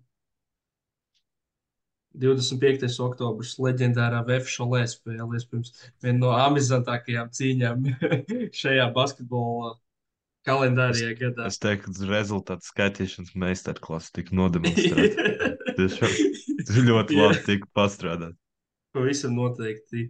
Tad mums tālāk ir uh, nekas īsti nenotiek. Tāds, manuprāt, uzmanību pievērsuši šo mēnesi, 29. oktobris. Tāda varbūt ne gluži ar notikumiem laukumā saistīta lietiņa. Brāļa Matsjus uzvar Žalgīru tiesā un varēs atgriezties Žalgīru arēnā. Tas ir, manuprāt, ļoti Sveici. nozīmīgi, tīpaši jāizceļ arī tādā sakarā, ka viņi teiksim, šo liegumu dabūja tāpēc, ka viņiem bija saķeršanās ar Valta mīļākās komandas pārstāvi. Tāpēc, jā, viņi beidzot, beidzot, bet laikam bija tā, ka Eirolandā. Nē, nē, Eirolandā, Eirolandā viņam tāpat durvis ciet. Arī man, ja, man liekas, šis bija tikai uz Žalgira arēnu. Viņu nu, uz koncertiem varēs iet. Žal, Žalgirs, Žalgira arēnā bija duelipai koncerts pirms kādu laiku. Viņus to teorētiski būs vēlreiz tāds, viņi varētu, nu, atgriezties. Jā, tā ir taisnība. Tā ir taisnība. Un uz LKL. Un uz, un uz Limonģim varēs aiziet, kas tur citā arēnā ir. Jo tur, man liekas, pieņem, viņi nevarētu teikt, tā kā tur veicien viņiem. Bet es par šo visu laiku domāju, nu, uh, man liekas, ka uz žāģi nav taču personalizētās biļetes. Nu, bet tur viņi jau nav tā, ka tur viņi pirmkārt, man liekas, ir tā skaļi, tad tu viņus apsargi, gan jau plus mīnus zina. Nu, tur, nu, es domāju, skaties, ka viņus atšķir. Vi, viņiem, viņiem ir tā lieta, ka viņi, man liekas, visur ir kopā, un viņi ir, nu, līdzīgi kā, kā vispār viņiem pierasts, ka viņi diezgan līdzīgi ģērbjas. Piemēram, tu ataudzē drusku matus, uzliec tur cepuri, nezinu, pielīmē kaut kādas sūsas, nu, ko nav pārāk sarežģīti izdarīt. Uh, nezinu, Tigerā var nopirkt pielīmējumā sūsas. Viņas, ok, varbūt neizskatās super pārliecinoši, bet, nu, var mēģināt, var strādāt. Uh, uzvelc saules brilles, nezinu, nu, i, tu vari kaut kā izmainīt savu imidžu, lai tev nebūtu tik viegli atpazīt. Un vienkārši šeit pa kaut kādām, nezinu, par random ienu. Es neticu, ka tur šo desmit gadu laikā, nebija neviena iespēja, teiksim, noteikti, ja viņas uzķer, tad tur būtu lielākas sankcijas un tā tālāk. Bet tīri tā, nu, tāds. Varbūt, es domāju, ka viņi būtu tikuši iekšā. Es šaubos, ka tur pirms katras uh, spēles ir kaut kāds uh, drošības dienas brīfings, kur atgādina par viņiem abiem. Nē, bet tur es, es pat esmu no, nu, par šito. Man liekas, tieši pagājušajā gadā arī uz Ziemassvētku laiku mēs par viņiem runājām. Tieši. Jā, jā, jā. jā. Man tieši. liekas, ka tur ir tā, ka pirmkārt Nu, žāl, es neticu, ka uz uh, žālgara spēlēm ir tik daudz spēlētāju, nu, es nevis spēlētāju, bet tā cilvēku, kas būtu nobanot, viņi potenciāli varētu būt divi vienīgie. Tur aps, gan jau moši kauņas arēnā pie dienas tieši, kur apsargiem ir, viņiem tur ir. Tur ir pie, pie skāpīšiem visiem pielikts divas, nu, principā viena bilde, viņi reāli vienā. tur pat nevajag divas. Un, un es jau domāju, īstenībā, ka Kaunijam varētu būt diezgan liels sots, ja viņi viņu ielaiž iekšā. Nu, ja viņi kaut kādā veidā viņus palaiž garām, es domāju, klubam vajadzētu nu, normāls naudas šķirties. Nu, jā, bet, bet nu, pie, es nezinu, tu nopērci to biļeti kaut kādā trešajā stāvā, ja tu fiziski gribi noskatīties basketbolu. Bet es domāju, tā nav, es domāju, tā nav lieta. Viņam liekas, viņi grib tā kā, kā pablatot, tā teikt, bišķiņ, ka viņi ir bijuši iekšā pēc spēlētājas, kurš, starp citu, tieši notika incidents. Un, un es domāju, ka viņi ne, ne, nav tā, ka viņiem vēlme vienkārši aiziet mierīgi apstīties, kad Nē, nu, gan jau, gan jau. Spēlē, Viss pagozēties nedaudz, un tad tur to noteikti nevar. Bet, ja viņi gribētu tikt tā, kā es to aprakstīju, tad es domāju, ka tas būtu iespējams. Nē, ja, viņi, ja tā būtu, tā, tā būtu vēlme, tad es domāju, ka jā. Jā. Tā, turpinam. Uh, ar 5. decembri, nu jau tāda pavisam nesen notikuma, brāļa Kuruca piepilda bērnības sapni un apvienojās arī klubu līmenī. Kopā pārstāv Mursijas vienību, kas ļoti labi spēlē ACB līgā Valcēs. Rey tieši tikko kaut kad. un, un uzvarēja arī Champions League grupā un spēlēs top 16. Tad eh, 14. decembris Šarons nonāk Fenerā, tas, par, par ko mēs jau runājām epizodes sākumā. 29. decembris uh, Rihards Lomačs Boloņā. Un šis rīts, kāds smags rīts, ir ārā atlaists un Andrejā Trinkēri ir atgriezies Eiroligā. Tur vēl papildus, ir- ko tu, man liekas, nepieminēji, bet tas bija oktobrī sanāk, kad uh, Žagars satraumējās no tādiem Ā, nu jā, jā, tu- tas to es- bija liels. es- Tas bija to oktobris, man, ar- man liekas. Jā, to es arī nepieminēju. Tā tas bija jā, tāds sāpīgāks. Bet tas, principā, tāds uh, īsais apskatiņš uh, gada notikumiem Eiropas basketbolā. Varbūt, jā, ā, un tad tagad būtu ļoti interesanti. Pirms vēl ķeramies klāt gada pieciniekiem, un mēs runājam par tādiem hoteikiem, ko mēs varētu izvirzīt uh, uz nākamo gadu. Teiksim, tūlīt mums jau sagaida jaunais 2024. gads, un tad uz nākamo gadu. Man, es esmu sagatavojis astoņus, no kuriem seši ir tīri saistīti ar, ar basketbolu, pieci no tiem ir saistīti ar Eirolandu, un divi man ir tādi, nu, teiksim, tādi nedaudz jāstrāk, bet arī tajā pašā laikā gan nopietni. Protams, Cik jums ir hot take? Sagatavot? man ir uh, pieci, no kuriem viens es pat neteiktu, ir īpaši karsts. Nu, man arī varbūt nav, nav tādi paši karstākie, bet uh, tev norču. Trīs es teiktu. Es tagad mēģinu precizēt savā galvā idejas. Okay, es varētu sākt ar, ar pirmiem diviem, un, ja jums ir kaut kas līdzīgs, tad varat droši pievienoties. Tad pirmais ir tāds, ka Boloņas Virtus spēlēs Final Four, un otrais, kas principā iet roku rokā, ir tas, ka Rihards Lomačs pēc sezonas pagarinās ar Virtus. Nu, man tas pats, es gribēju par Virtus arī teikt, un pamatot to tādā ziņā, ka es uzskatu šobrīd, ka viņi ir viena no, laikam, divām komandām, kas, manuprāt, manā subjektīvajā viedoklī ir stabils Eirolīgā.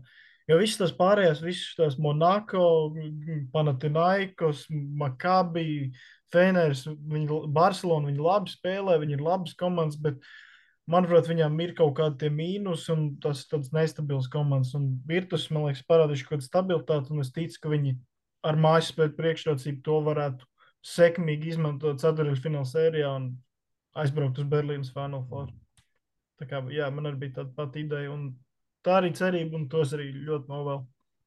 Man par, man par Virtus nekā nav, bet tu pieminēji to, ka Lomačs varētu pagarināt līgumu, tāpēc man ir latviešiem tieši Eirolīgā, un man ir ka nākamgad Eirolīgas komanda pieteikumos būs pieci latvieši. Gan Tu esi Šmīts, gatavs gan, viņus nosaukt? Ja? jā, Šmīts ir, nu Šmīts būs to, tas kā bankā, to, to, tas ir, tad Nu, es domāju. Lomačs, Žagars, Grāžulis, un piektais ir tāds, kurš noteikti nespēlēs, bet es varu pamatot, kāpēc viņš varētu būt pieteikumai Adrians Anģels. Tāpēc, ka, nē, pagaidi, pagaidi, es pateikšu, kāpēc. Tas tāpēc, ka šogad, piemēram, Madridē ir pieteikumā četri, četri U18 spēlētāji, no kuriem ir viens Ugo Gonzāles, kas paliks gan jau, un pārējie netic, ka viņi būs vēl nākamgad, jo viņi visi jauniešu sistēma būs iziet. Un, un tiem septītajiem gadiem tur, manuprāt, nav īsti daudz citu tādu, kas, tā kā, kas būtu daudz labāk. Jo tagad arī bija nesen Spānijas jauniešu turnīrs, kur Anģels bija Siksmens principā. Un tāpēc man ir tā, tas ir, šitas, tas ir ļoti, ļoti, ļoti liels streģis, bet es, viņš varētu būt pieteikumā, varbūt. Jo tur pieteikumā, man liekas, tu vari bez mazas, labi, ne neierobežot, bet diezgan daudz tu vari likt spēlētājs tur iekšā. Dāvis Bertons arī nevarētu būt, vai viņam tur vairāk gadi ir. Viņam vēl nākamais ir. Vēl nāk, ok. Nē, viņam viņš ir pārslēdzis to līgumu. Jā, bet viņš pārslēdz to, ka viņš viņam pārslēdz. nākamgad, ir nākamgad vēl būs līgums tāpat. Jā, jā, jā. okay. Nē, Bet jā. pagaidi. Nē, vai tad nebija tā, ka viņš Nē, atteicās? šogad, šogad jau viņam Viņš nemainīs. šogad, nemainīs. viņš šogad vinnēja. Viņš šogad vinnēja 250 tūkstoši klāt. Nē, vai Nē, tas nē, nākamā, nākamo, jā, jā, tas jā, jā, pareizi, jā, jā, jā. Labi, nākamais man ir Mario Kazoņa parakstījis līgumu ar Panathinaikos. Tas nav Tas nav. manuprāt, tas tur vienkārši ir tā, ka es domāju, ja kāds ieiet viņa guļuma istabā, tur ir pilns ar Panathinaikos plakātiem, tur vienkārši pietiek paskatīties viņa sociālos tīklus, viņam tā Madrida vispār necik neinteresē, viņš ir ar domām Atēnās. un Tas, Tas Diemžēl, man jā. liekas diezgan traki. Mēs ar Valtu esam pie izslēgtiem mikrofoniem ar šo runājuši. Un Tas, tas man liekas drusku pat rāk, tas kā, kā viņš mīl to panatnaikus un cik ļoti viņš to izrāda. Diemžēl, jā. Man ir, man ir kaut kas arī uz Hazoņas pusi, bet tas ir vairāk par ā, olimpisko kvalifikāciju vasarā. Un man prognoz, ka Grieķijā, Pirējās, ja nemaldos, notiek turnīrs, un ā, finālā mums nebūs Luka un, Luka un Jānis. Jo es domāju, ka Horvātija viens no viņiem piemānīs. Vai nu Slovenija grupā, vai Grieķija pēc tam. Slovēņi Pēc tam piemānīs. Es varu uzreiz pateikt, ka piemānīs grieķus, jo var tā smuki salikt tādu sieniņu, kur tā kā viens ir primārais sēdzējs un divi kā aiz muguras un, un izslēgt Jāni ārā no spēles. Nu jā, mēs Lūk, tā redzējām, neierobežos īsti. Labi, es esmu gatavs tad savu, savam hoteikam. Labi, tas bija pus pa jokam. Jānis uh, izcīna savu otro čempionu titulu NBA. Uh, Damians Lillards dabū pirmo. Mm, Iemesls tāds, ka Jēlens Browns uh, sačakarē visu Bostonā. Un uh, Kristofers Porziņš laicīgi ierodas uz uh, kvalifikāciju, un uh, mēs uzvaram. Un, ja, ja Latvija grib, tad Latvija brauc uz uh, Olimpiādu. Jo, nu, karač, spēles mēs uz basketbola spēles mēs uzvaram, pārējās situācijas redzēsim, bet uh, ceļzīm mēs nopelnām un sportisku rezultātu dēļ varam braukt. Es iešu, es iešu vēl tālāk ar šo, jo es ceru, ka tos uh, Krievs pasūtīs un, un Latvija tad varēs nu, tā kā bez, bez kādām problēmām spēlēt Olimpiskajās spēlēs. Un es teikšu, ka Latvijas basketbols Olimpiskajās spēlēs izcīnīs medaļu. O, šeit tas gan ir. Šis ir ļoti karsts. Bet tur esmu mīkšķis. Man ir īstenībā, tad man vēl viens par olimpiādu. Lietuva tur nespēlēs. Viņu basketbola izlase. Viņi zaudēs. Viņiem Itāļi. bija, Kas viņam grupā ir? Kas viņš izslēdz? Viņiem bija bija- ceļama, man liekas, bet tur bija tā, ka ne- nebija tik viennozīmīgi. Ne? Viņiem bija Mek ah, Meksika, viņiem bija grupā, kas arī nav. Tur gan jau kaut kas Nu, viņiem ir, ko es neesmu vienkārši tik labi pazīstams. Nu, gan jau, bet es lieku, ka Itāļi viņus piemānīs. Tā būtu mana prognoze. Un lietuvieši bez viņiem. Ko atradīsim? Bija Varat Meks- pastāstīt vēl kaut ko, kas jums ir. Es, es atradīšu tos qualifiers.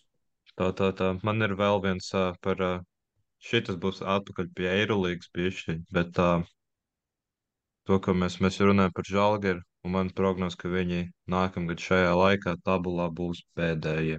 Un es varu to pamatot tādā ziņā, Nākamā ka. sezona sāk. Nākamā Ne, sezona. nu, vai nākamajā sezonā pēc pirmā uz pirmā, uz pirmā apļa beigām nākamā sezona viņi būs pēdējie. Vai Kuri, kuri, kuri? Pēdējie priekšpēdējie. Kuri, kuri, kuri, kuri? Žalgiris, Žalgiris, Ā. Kauņa. Tas ir tieši Evans dēļ, un uh, es neticu, ka viņi vēlreiz izvilks tādu lozi. Šo, šogad viņi jau ir mēģinājuši jau trīs, man liekas, sanāk jau trīs vilkt ārā ar amerikāņu leģionārus. Visi trīs, nu, labi, viens kanādietis, bet, nu, doma tāda pati. Visi trīs bijuši garām, un es neticu, ka viņus tādu Evans trāpīs vēlreiz. Un man ir tāda cerība, ka Šmīts aizdosies projām, varbūt. Nebūtu Man, man Jo- bija līdzīga cerība. Jo viena, jo mēs jau redzam, kā bija, kad viens Latvijas tur spēlē bezcerīgā žēlgarī, un es negribu, lai Šmīts ir nākamais. Tā kā mana prognoze būs pēdējā nākamgad. Tad sanāk, tu Bet- neusticies Erikam Kirvelaitim un, uh, un šitam te Jankūnam. Bet, nu labi. Viņiem uh, grupā uh, pretiniekos vēl ir uh, Puerto Rico, kas ir arī, es uzskatu, nu, es uzskatu, ka viņi ir bīstamāki par Meksiku uh, kvalifikācijā. Un, protams, arī Bahreina varanā. Tā kā Nē, jā, nu, bet tur basketbolu es uz māks tiem spēlēt itāļiem- visur un jārespektē arī Bahreinas vienīgi. Es uz tiem viņus pārāk ļoti, jau, pārāk ļoti aizrāvos. Uh, man ir vēl divi. Uh, Eirolandes sakarā uh, viens ir uh, Tokošs un Gēlī būs Eirolandes MVP. Pamatojums diezgan vienkāršs. Uh, Faku vairs nav tik spilgts pēdējās spēlēs. Viņam ir drusku jāpalielina tas, uh, tā savu produktivitāti, manuprāt, jo, jo savādāk Madridē vienkārši tev ir 15 vienādi spēlētāji, nu, nevienādi plus mīnus līdzīgi spēlētāji, no kuriem ir grūti kādu izcelt. Un, un ja Faku vairs tik ļoti neizceļās, tad nu, Tavares šogad, diemžēl, nekvalificējās mums pēc tā, ko viņš rāda pagaidām. Un uh, man ir tāda cerība, ka saglabās. potenciāli. Labi, viņam nav. Nē, Nē, nē, nē, nē, nē. Es teiktu, no Madrides, ja kādam iedos, tad jā. Kampaco, ja ne, tad uh, nākamie kandidāti Šengēli un Maiks Džeims. Nu, jā, Šengēlī, un, un, un kāpēc arī bijām priekšroku pret Maiku Džeimsu, jo es arī domāju, ka Monako tiks uh, pa taisno plēfos, un viņi gan jau būs, piemēram, ceturtie, bet es gribu domāt, ka Virtus paliks otrajā vietā un saglabās otro pozīciju. Un tas tad viņam nospēlēs par labu. Uh, un pēdējais Eirolandes sakarā ir tāds, ka Makabī nebūs plēfā. Pamatojums šim pavisam vienkārši. Uh, viņi visu sezonu spēlēs Belgradā. Viņiem ir atsāksies, atsācies Izraels čempionāts, kur viņi šobrīd spēlē bez uh, leģionāriem. Ir nogriezts 15% no algām. Uh, viņiem nav kaut kāda super plašā rotācija un super dziļais sastāvs. Un vienkārši ir grūti pie tik nopietna, pie tik nopietnas slodzes noturēt šo līmeni. Un, ja viņiem atgriežas tās algas vai ko, un ja viņi vēl sāk spēlēt Izraels čempionātā un tu lido tur četras nedēļās starp uh, Belgradu un Izraelu, un kur tik vēl ne pa Eiropu, tad es uzskatu, ka tā ir pārāk liela slodze. Nav arī tā, ka viņi būtu gluži Eiropas centrā, tā kā fiziski lokētot. Ti- Tikai un vienīgi tāpēc, ka tur talants pietiek, lai spēlētu plēfos, un, un viss ir, bet uh, viņi jau šobrīd, uh, kur viņi atrodas, par... viņi, ir, viņi ir viena uzvara, principā, virs. Uh, viņi nav gluži playoff zonā, viņi ir play-in zonā, bet viņi tikai vienu uzvaru virs Baskonijas, kas ir 11. un ārpus viss. Tā kā es, uh, es redzu, ka viņi nebūs šeit beigās iekšā, jo pārējām komandām nav tāda problēma. Tā, tā. Labs punkts.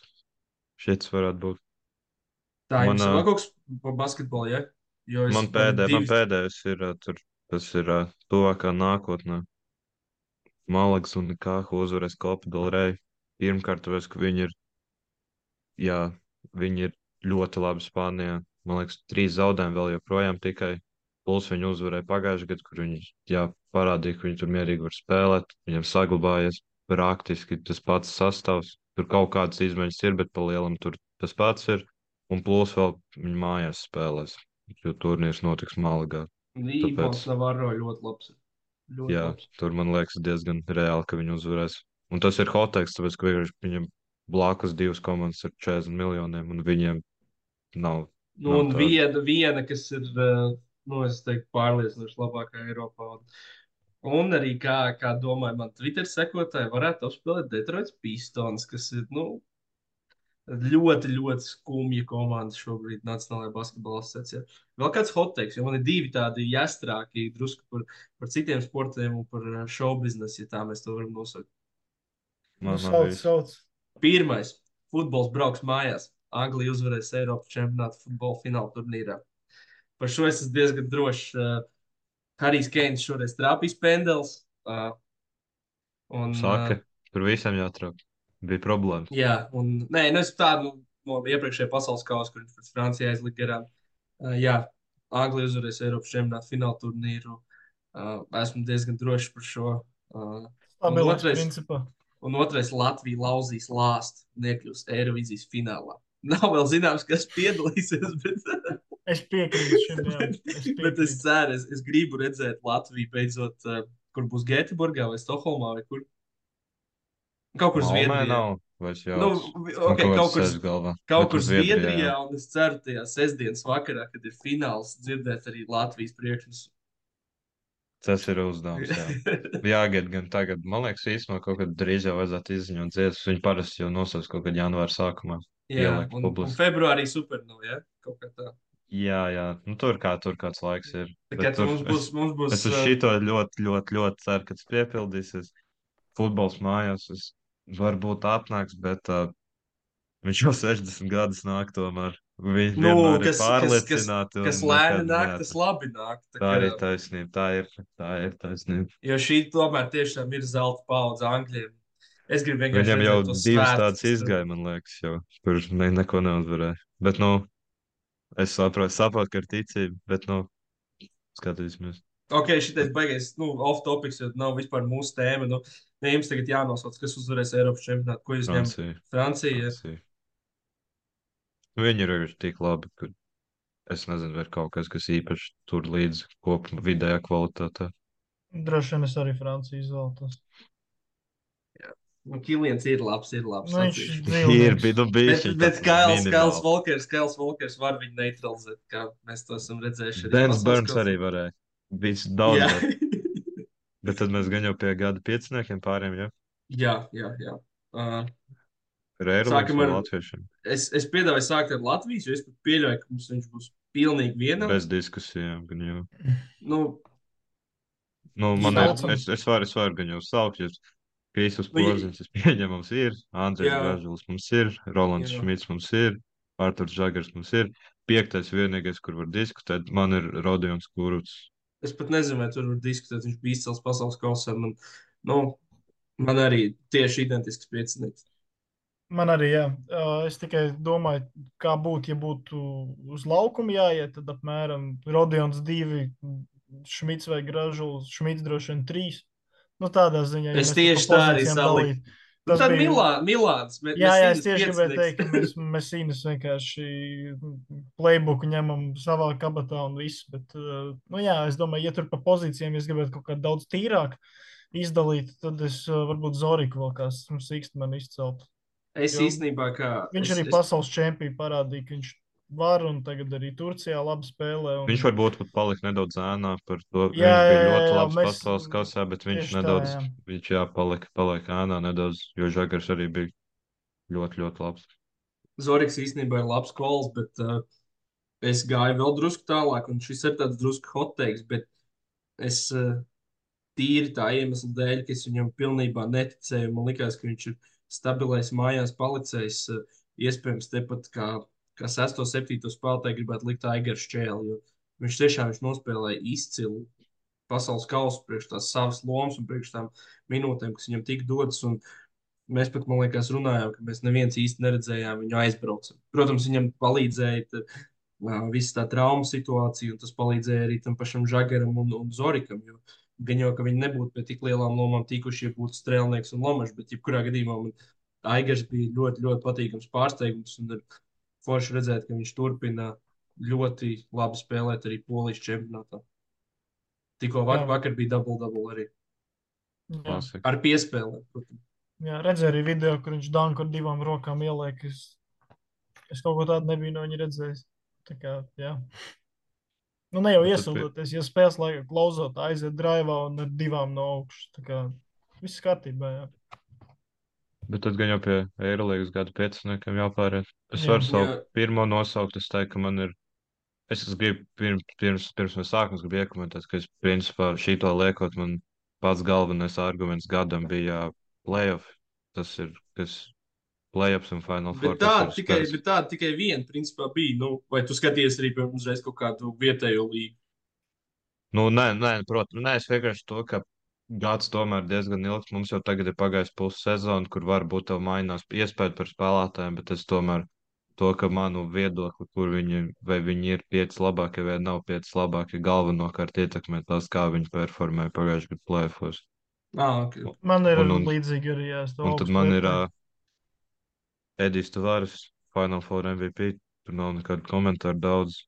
Sāša Vezenkovs, kurš nebija Final Four MVP, bet bija sezonas MVP finālā. Sabēra ļoti daudz, neatceros, cik, bet 29. bija daudz. Jā, Kevins Un ar to Panters nepietika. nepietika. Kevins Panters aizvadīja fantastisku ceturto fināla sēriju. Uh, Maiks Džeims ievilka savu komandu Final Four, dabūja bronzu, labi, bronzu tādu. Nu, Bet, bet, bet, bet viņa, viņ- viņa sakarā, kāpēc es viņu liku, piemēram, man palīdz tas, ka, ka viņš šo sezonu ir bijis uh, nu, top 2, top 3 spēlētājs Eirolandā. Jā, viņš Ja ne ļoti pats labs. labākais, nu, viņš tiešām bija izcils. Un, un man pēdējais ir uh, Mario Hizonģi, kurš bija uz uh, pagājušā gada playoffiem. Bija vienīgais ceturtais numurs savā, pat uz playoffs Final Four drīzāk, vienīgais ceturtais numurs savā komandā. Spēlēja pa 35 minūtēm pusfinālā, finālā. Un tagad otrā sezonas puse, nu ne otrā sezonas, otrā gada puse, kur ir šīs sezonas pirmais āpus. Viņš bija lielisks un man liekas, tur nav daudz ko komentēt. Jā. Jā, nu, man ir ļoti līdzīgs piecinieks. Es gan saliku tikai vienu.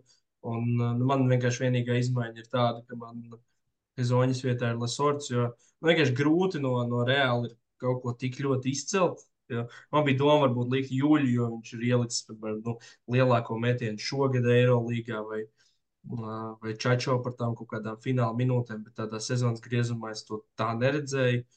Gada griezumā drīzāk tā precīzi. Un, lai sorts, lai arī viņš ir drusku, gribētu teikt, nosēdies salīdzinot ar to, kāds viņš bija Belgradā, bet nu, tāpat top garais Eirolandā, manuprāt.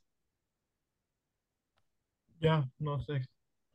Man, jā, nu es varu savu nosaukt. Man uh, Maiks Džeims ir ievilcis savu komandu, jā, playoffs, un šo sezonu ir no Final Four. Un arī šo sezonu ir ļoti, ļoti, ļoti labs.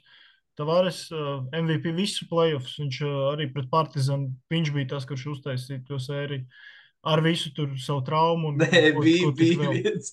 Nu, runāju, jā, bija okay, viņš, nav vien, viņš nav vienīgais darītājs, bet uh, viņš, viņš bija arī, arī pusfinālā apsties pret Barcelonu. Viņam bija 20 plus 15 spēle, un tad es atcerējos, jā, kad. Un beigās es atgādināju, ka tajā pusfinālā īstenībā uzlika divus tādus blokus, kur man liekas, ka viss bija skaidrs. Viņš aiz, aizrunāja bumbu uz backcourtam pēc veselī metiņa, ja nemaldos. Tā kā tur jā. fantastiski plēja. Uh, Saša Vezenkovs MVP un arī nepazuda playoffs un nopelnīja savu iespēju NBA aizbraukt. Finālā, kā runājam, 29 acis iemet. Tā, esmu trīs nosaucis, uh, vēl divi spēlētāji. Jūs viņus nenosaucāt neviens. Uh, Kostas Lukas, kārtējo reizi.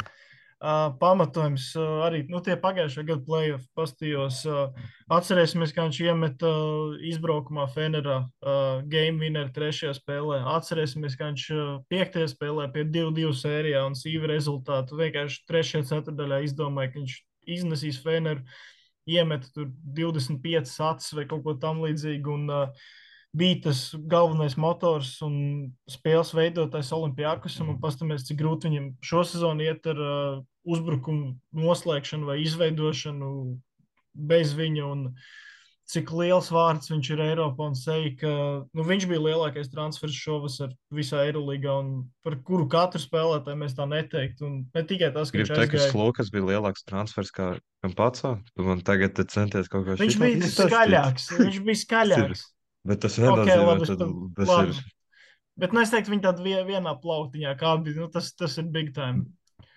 Nē, nu, nu, nu piemēram, kam pats bija nu, gaidīts. Nu, tas nevar teikt, ka kāds bija pārsteigts. Nē, es vienkārši to, ka spēlētājs ka, kā, ir viens, kas ir MVP kandidāts, un otrs nav MVP kandidāts. Nu, šo, nu labi, pastīsimies. Viņš, nu, viņš ir tuvu tam, tuvu tam gan pagājušajā gadā, gan labi šogad jāstāsta. Bet, ja Panathinaikos tur būtu top 2, 3 un viņš tagad sāk spēlēt kā pēdējais spēles, nu varbūt. Man vienkārši tas, ka tu iemet game winner, tu game 5 visu uztaisi, un tagad komanda bez tevis vairs tā nešancē kā agrāk, vai vairs nav tas pats. Manuprāt, tas parāda to, ka tu tomēr esi labas lietas darījis tajā gadā. Un pēdējais piektais man ir, te es nezināju, ko likt, man bija tā grūtāk izdomāt. Ieliku Mirotiču, jo Viss tas, viņš tur jau tajās regulārajās sezonās ir viena no stabilākajām vērtībām, kas eksistē Eirolandā. Tāpat gan pagājušajā gadā, gan šogad, nu, met viņš tos savus 18 punktus, un neviens viņam neko īsti nevar izdarīt. Mīnus viņš, jā, ka viņš Final Four pusfinālā mm, nesanāca viņam, un ka Milāna sezonu iesāk uh, zaudējot spēles, bet nu, savas lietas viņš tāpat izdara, un tāpat ir top džeks līgā. Jā, un tad es vienkārši uzreiz savu otru pēcnieku nosaukšu tur bez lieliem daudz komentāriem. Matijas Lasārds, uh, tur arī viss jau pateicāt. Lorenzo Browns un Veids Baldvins, abi divi man tiek otrajā pieciniekā, jo jau viņi ļoti labi tāpat performēja. Un uh, labi, tagad varbūt tāds nedaudz smagāks sākums, jo Baldvins bija traumēts. Bet uh, tad man ir Kostas Lukas, kurš es ieliku šeit. Es viņu sākumā negribēju likt, bet es viņu ieliku vairāk vai mazāk tā metienu pret Feneru dēļ. Jo, ja mēs runājam par playoffiem, viņš pazuda finālā. Viņš neko, ja Saša Veznikovs sev pacēla vēl augstāk, tad Lukas principā pazuda tajā finālā. Es nezinu, viņš 5 punktus iemet, 7 varbūt. Nu, neko viņš īsti vērtīgi nerādīja. Un uh, piektais man ir Mirotičs, ko es ļoti negribēju likt. Tieši tā iemesla dēļ, ka, kā jūs iepriekš minējāt, pusfinālā izvazāja 18-gadīgs jaunietis. Spēlēt ar lielāko līgumu Eirolandā, kad komandai viņu vajadzēja, viņš nebija nekur redzams. Viņš bija šausmīgs. Tāpēc es viņu, es viņu negribēju likt, bet es viņu beigās ieliku, jo es godīgi vairs nevaru neko daudz labāk izdomāt, ko likt viņu vietā. Bet viņš bija kā pats pēdējais, man tika desmitniekā iekšā. Jā. Tev, Kristēn, kas otrajā? Man nebija, es, neliku otru piecinieku, es tikai, es tikai pirmo saliku. Varbūt uh, pašās beigās. Uh, Es, es varu, es savēju, labprāt, vēl nosaukt. Ā, ok, man gan ok. jāatcerās, es savu sarakstiņos kaut kur nolicis prom, bet uh, Lesorts man bija uh, otrs labākais centrs. Ar atrāvienu, manuprāt, tagad ir īpaši, ka mēs tur taisām to topu Milutīnovs. Viņš gan nebija pagājuši gadu, gan zaudējis savu lomu un veselību un viss tas. Tā tad uh, Lesorts. Uh, tā, kas man vēl bija? Panthers bija par uh, playoff sēriju. Uh, Uh, jā, jo viņš vienkārši tad, kad viņš spēlēja un tas game vinēs, nu, tad, tad viņš parādīja. Uh, Šengēlijam es iedodu vienkārši avansā par to, ka cik viņš nav, nav tā, ka viņš bija ļoti slikts šo pagājušā sezonu. Viņš vienkārši komandai tā neveicās, bet nu, kaut ko jau viņš tur darīja. Un uh, šo sezonu viņš ir uh, izcils un nu, tādos augstumos kā līderis uzcelt savu komandu. Tas uh, viņam ilgi nebija izdevies. Um, Es ap citu, Nu, saki, Marko. Bel, Marko Belnelli jūs neizskatījāt, jo viņam šogad ir, ja nemaldos, 35 punktu spēle pret, vai 30 punktu spēle pret Madrids Reāli. Viņš, eh, viņš savā vecumā rāda savas tās kvalitātes. Uh, nu, viņš tiešām spēlē vienkārši izcili. Es, es vienkārši neliku, bet uh, es tā aizdomājos, ka viņš iespējams pat. Uh, nu, viņam ir viņam case, varbūt tam otrajam pieciniekam neliels. Ir Īpaši to, kā viņš spēlē šajā sezonas pusē. Plus viņš bija labs Itālijas playoffs pret Milanu. Nu, viņa septītajā spēlē zaudēja, bet tāpat. Nu, viņš ir labs, bet uh, es vienkārši gribētu pabeigt savu piecinieku, kāpēc viņš tur nav. Jo man ir uh, pēdējie divi gadi, uh, Lārkins un Laprovitols, uh, kas abi, manuprāt, ir gan labāki spēlētāji, gan vairāk dara un vienkārši ir krietni iespaidīgāki. Un, nu jā, Belinelli ir labs, bet uh, šie divi ir, piemēram, man pēdējie uh, divi šajā otrajā pieciniekā, un nu, man liekas, ka viņi ir atrāvienu galvas tiesa pārāk. Nu, Es, par- es par, par Laprovi tolu nepiekrītu, ka tā ir. Jo, piemēram, uh, izņem Belnelli no Virtus vai tu izņem Laprovi tolu no, no Barcelonas, nu, kura komanda vairāk zaudētu. Es domāju, ka Virtus. Es, es domāju, ka Barcelona vairāk Jo. Lapro, Lapro izlaiž kaut kādas spēles, viņi tur tāpat uzvarēja. Uh, Man liekas, jo, ka lab, Lapro jo ir Bellinelli- vienīgais- Belinelli ir uh, tas tieši tāpat lieta, kas Dāvim Bērtānam. Tu, tu spēlē 4 uz 4, ja viņš ir laukumā. Nu, labi, bet Laprovitola uztaisīja visu Barcelonai. Man liekas, ka viņš ir būtībā vienīgais, kas kaut kādā ziņā neraustās. Man, eh, godīgi sakot, kad galotnēs vai nu Satorānskis vai Brīnis met pa grozu, es neko baigi pozitīvi negaidu. Un, tā ir. Es jā. nezinu, es, es domāju, ka Lapro ir mm, tas, kuram es noteikti visvairāk uzticos. Un, nu, man, manuprāt, viņš ir Barcelonas līderis. Labi, tur garajā galā Jans Veselīs vēl labi spēlē, bet viņš ir Barcelonas līderis. Viņš pagājušajā gadā arī bija labs. Uh, viņš bija Final Fourā, un labi, tur bija Rotičs palīdzēja, bet viņš ir uzvarošs komandas līderis. Viņš ir top 3 komandas līderis, un Belinelli, Nu, manuprāt, ir tieši, tieši to pašu var, pateikt par Nu, Belnelli. bet, nu, bet ne, viņš nav līderis. Viņš ir viens no, es nezinu, kurš labākais spēlētājs viņš ir Virtus komandā. Mm, otrais. Es nezinu, es teiktu, Šengēlī ir labāks. Es domāju, ka Hakets daudz vairāk dara, lai komanda uzvarētu. Nu, tad pārējie tad līdzi. Nu, Hakets dara kaut kādas lietas, bet, nu, pagaidiet, tu tagad gribi likt teikt, ka, piemēram, Marko ir vienā līmenī ar, ar Īfu Lundbergu, piemēram, saki, ka pārējie ir līdzīgi. Nu, jo viņš ir, viņš tāds metiens ir met iekšā, viņš ir, nu, nu viņš ir uzbrukuma līderis. Nu, nē, viņš ir mazliet labāks tagad. Bet... Viņš nav aizsardzībā, protams, viņš nav tik labs, un viņi tur maina nocis laikus tam aizsardzībām vēl kaut ko. Bet, bet viņš tiešām bija izcils. Nu, labi, es varbūt pārsteidzos ar to keisu viņam par gadu piecinieku vai ko, bet vispār tas, ko viņš dara savā vecumā, pieklājīgajā, tas ir ļoti, ļoti iespaidīgi. Mēs runājam par Madrides tiem trīs, uh, trīs muskatieriem vecajiem, bet uh, Marko īpaši neatpaliek. četriem es pat teiktu, ka sērs tek ne, nepelnīts. Es- es domāju, ka- visu, viņš arī nav No, jaunais. no šiem te veterāniem uh, Marko ir vislabākais šobrīd. Tas gan, jā. Bet, ja man būtu jāliek, piemēram, gadu piecinieks, es Čāčā Rodrīgas liektu virs viņa, jo Čāčā nu, Rodrīgas jau, jā. bija plēfos nereāli labs. Bez viņa, nu, nekā tur nebūtu. Nē, es, es tīri vairāk par to, ka, ka Belnelī vispār tiek tā drusku tiek gulēts uz viņu joprojām. Manuprāt. Tāpat kā uz visu virtuves. piemēram. Nu, viņš tāds Bela Nelly, vēl jaunais perspektīvas, jāpierāda viņam sev. Bet gan jau uz Jā. beigām, es nezinu, jānovēl visiem laimīgi jauno gadu, liels uzvaras. Un, un, Liels uzvars Latvijas basketbolam. Tā es gribētu teikt. Ja protams, man neinteresē, ja tur panāknēkus kaut ko uzvar. Nu, es to Ā, Viņi būs Final Four, kas un Erģins rādīs šitā. Es domāju, ka viņi pat finālā varētu tikt. Tas tā hoteikam galotnē. Viņi varētu Mhm. finālā spēlēt. ko vēl viņi varētu, ko vēl izdomāsim. Bet, nu, Vat, vat, vat, bi- bija agrāk, bija agrāk tāds nožēlojams čempionāts kā KHL un KHL. Un, uh, Nu, un tur bija tāds, tur bija, jā, jā, jā tāds tā kā zaudētā kauss, cerību kauss, jā, tur varētu būt Panathinaikos iztikt. Ne Final Four. Tajā Final Four. Ne? Jā, varētu. Nu, redzēsim, redzēsim.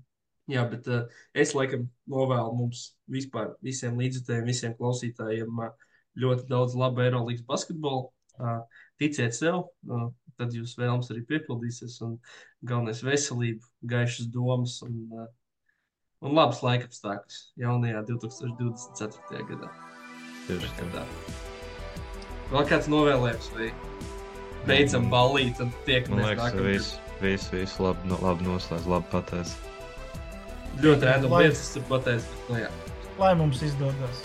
Laimīgi. Laimīgi.